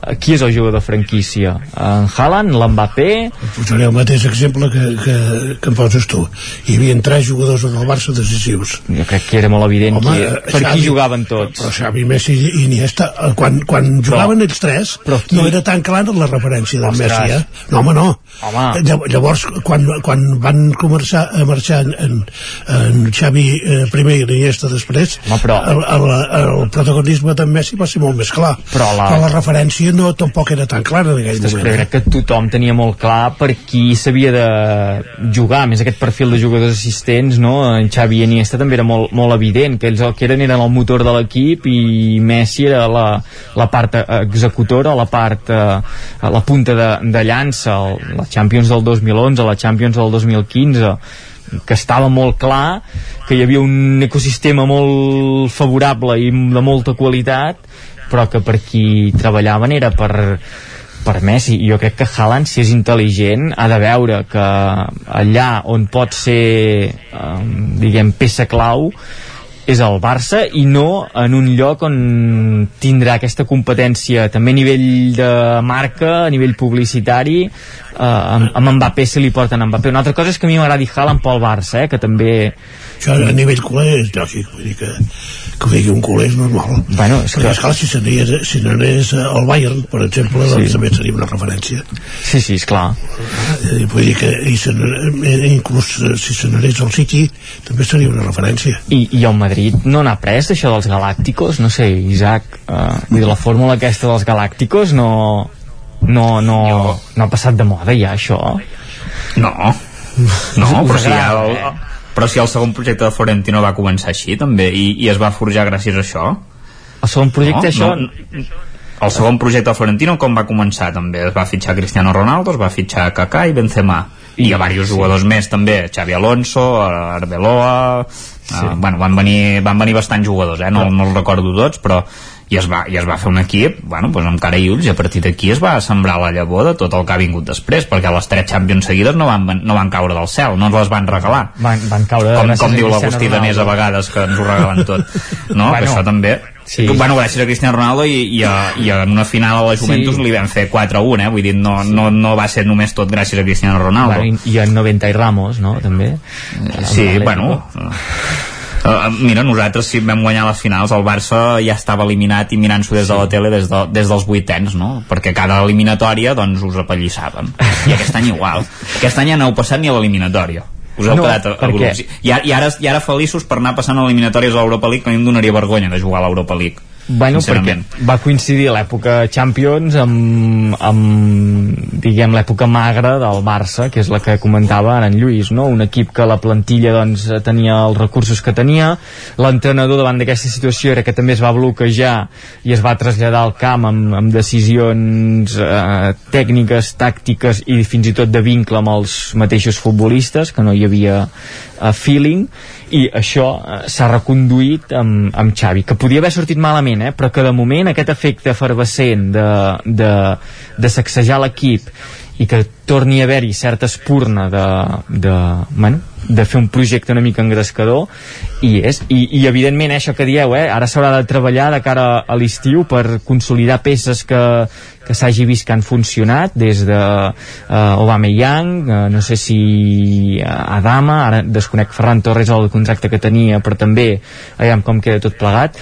Uh, Dani Alves, que recordem que Dani Alves doncs, va arribar per, per, per final de curs i, i es podia ampliar el, el, el contracte amb visió de Mundial en el seu cas, per poder arribar al Mundial veurem què passa i si arriba aquesta última peça que seria eh, diguem un, una patum doncs bueno També caldrà obrir la porta per rebaixar la massa salarial, suposo. Sí, sí, esclar. S'hauran de, s'hauran de o renegociar contractes de jugadors que potser encara els hi hauràs de treure suc alguns anys més o fer, fer vendes fer vendes de futbolistes um, Però això de renegociar cada vegada menys perquè Bueno, això els que han arribat nous per molt que estigui Pedri Sí, sí. I, i per molt que estigui Gavi No. no. Ja no tenen supercontractes No. comparats amb els de Piqué i companyia això en aquests has d'anar però esclar, aquests ja els, ja, els han rebaixat i eh, sigui, entès que més d'una vegada sí, sí. i llavors clar, en Piqué per 1.500 euros al mes no sé si jugarà Bueno, en Piqué potser encara seria dels que sí, eh? Que et diria vindré les jugar. empreses, no? Però si no- Però... Els altres no, eh? No, esclar, i a la porteria, per exemple, què, què, què s'ha de fer a la porteria? Um, tenint en compte que tens un porter que truca a la porta mm, doncs què fas? Uh, li dones una temporada de transició amb aquest esforç econòmic de mantenir Ter Stegen o doncs el relleu amb el però l'Iñaki Peña per un partit ja, és, ja, ja truca a la porta de la Barça no, amb l'Iñaki Peña no, jo em refereixo a, al Arnau Tenes, no? És el futur ah. de la porteria del Barça, en teoria. Bueno, no sé, l'altre l'altre dia el filial em sembla que va carregar contra ell l'entrenador sí, per un partit que va, per Sergi Barjuan que va No. tenir dolent em sembla que el va acusar directament en ell de ser el culpable doncs, vull dir, no sé ara mateix si, si, si exacte per un error, eh, que dius també eh, no vull dir, error el, també el Barça B tampoc és que sigui el, el millor equip eh? no, no. No, no, és pas per culpa d'Arnau Tenes eh? per, per la No. posició que van a la Lliga que em sembla que no van gaire bé eh? i la posició del porter tots sabem que aquí estàs molt exposat als focus Clar. no? que si fas un bon partit ningú en parlarà o segurament ningú en parlarà no sé que facis una parada estratosfèrica però si fas un partit el que toca ningú en parla i en canvi si la cagues ets el protagonista mm, no sé, mm, hi han dubtes a l'hora d'això eh? d'acabar de, d'acabar de, d'encaixar tota aquesta plantilla també el cas Dembélé, què passarà amb Dembélé ara està lliure marxarà. Pot... sí, home, està claríssim que marxa no? Bueno, que marxarà Sí, a no ser que se li giri un altre cop la, la pinça i digui, ostres, doncs potser ara entra un raó i, i amb Xavi no. i amb tot el que s'està construint renovo mm, no sé, és, és complicat Bueno, si renova potser es començarà renova amb, quan, amb quins diners renovarà Bueno, això és el que no? també aquests contractes de Spotify um, jo crec que el Spotify, Barça no. Eh, sí, ja veuràs ballareu al ritme del Barça No, no, hi, hi, ha molta gent que ja s'ha donat, hi ha molta gent que ja s'ha donat de baixa eh, de Spotify. Bueno, i suposo que molta gent... perden, no? Sí. que és el servei. Igual, als anys 90 hi havia molta gent que no comprava cuina azteca, vull dir, perquè les portava al Madrid a la Molt samarreta. Molt malament. Això, uh, no sé. Això, mm, això és una solemne tonteria. no? que Ets igual qui, a qui patrocini. No, que si No, però clar, hi ha molta... si es dona de baixa, menys que les tindrà Spotify, doncs, Bé, no crec que per pagar-vos a vosaltres.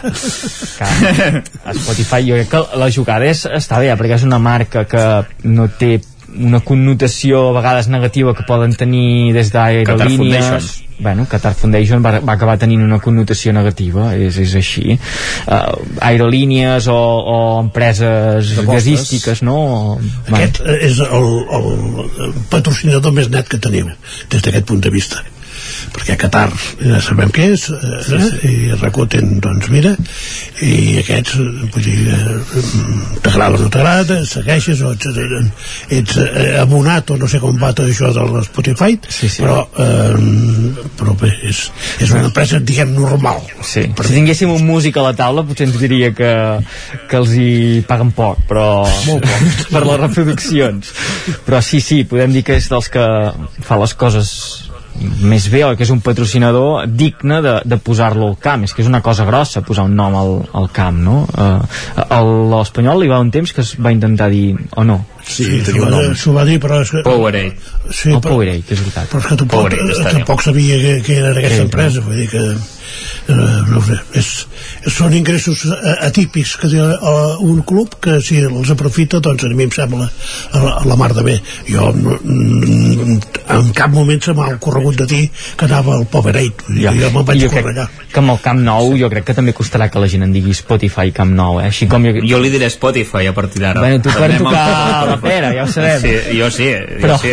clar, hi ha, hi ha l'Allianz Arena que tothom li diu Allianz Arena i s'ha consolidat molt però Spotify Camp Nou jo crec que costarà de... fins i tot eh, eh, a Gijón el Molinón eh, Enrique, Enrique Castoquini costa molt de dir sí, sí, sí, vull dir que la gent va al Molinón sí, sí, i, el, i en Quini era, era un figura en el, sí, sí. i una història de, de l'Sporting però esclar hi, hi ha coses que no es canvien Ah. Ho deixem aquí, nois. Moltes gràcies per ser-hi un dilluns més. Guillem Freixa, Lluís de Planell i Isaac Montades. Bon dia. Bon dia. I acabem el territori 17. Us hem acompanyat des de les 9 del matí Pepa Costa, Clàudia Dinarès, David Auladell, Guillem Sánchez, Guillem Freixa, Òscar Muñoz, Caral Campàs, Esther Rovira, Adrià Oliveres, Isaac Muntades, Lluís de Planell, Jordi Sunyer i Isaac Moreno. I tornem demà, a partir de les 9. Que vagi molt bé aquest dilluns. Adéu-siau. Territori 17, un magazín del nou FM. La veu de Sant Joan, Ona Codinenca i Ràdio Cardedeu amb el suport de la xarxa. el nou FM.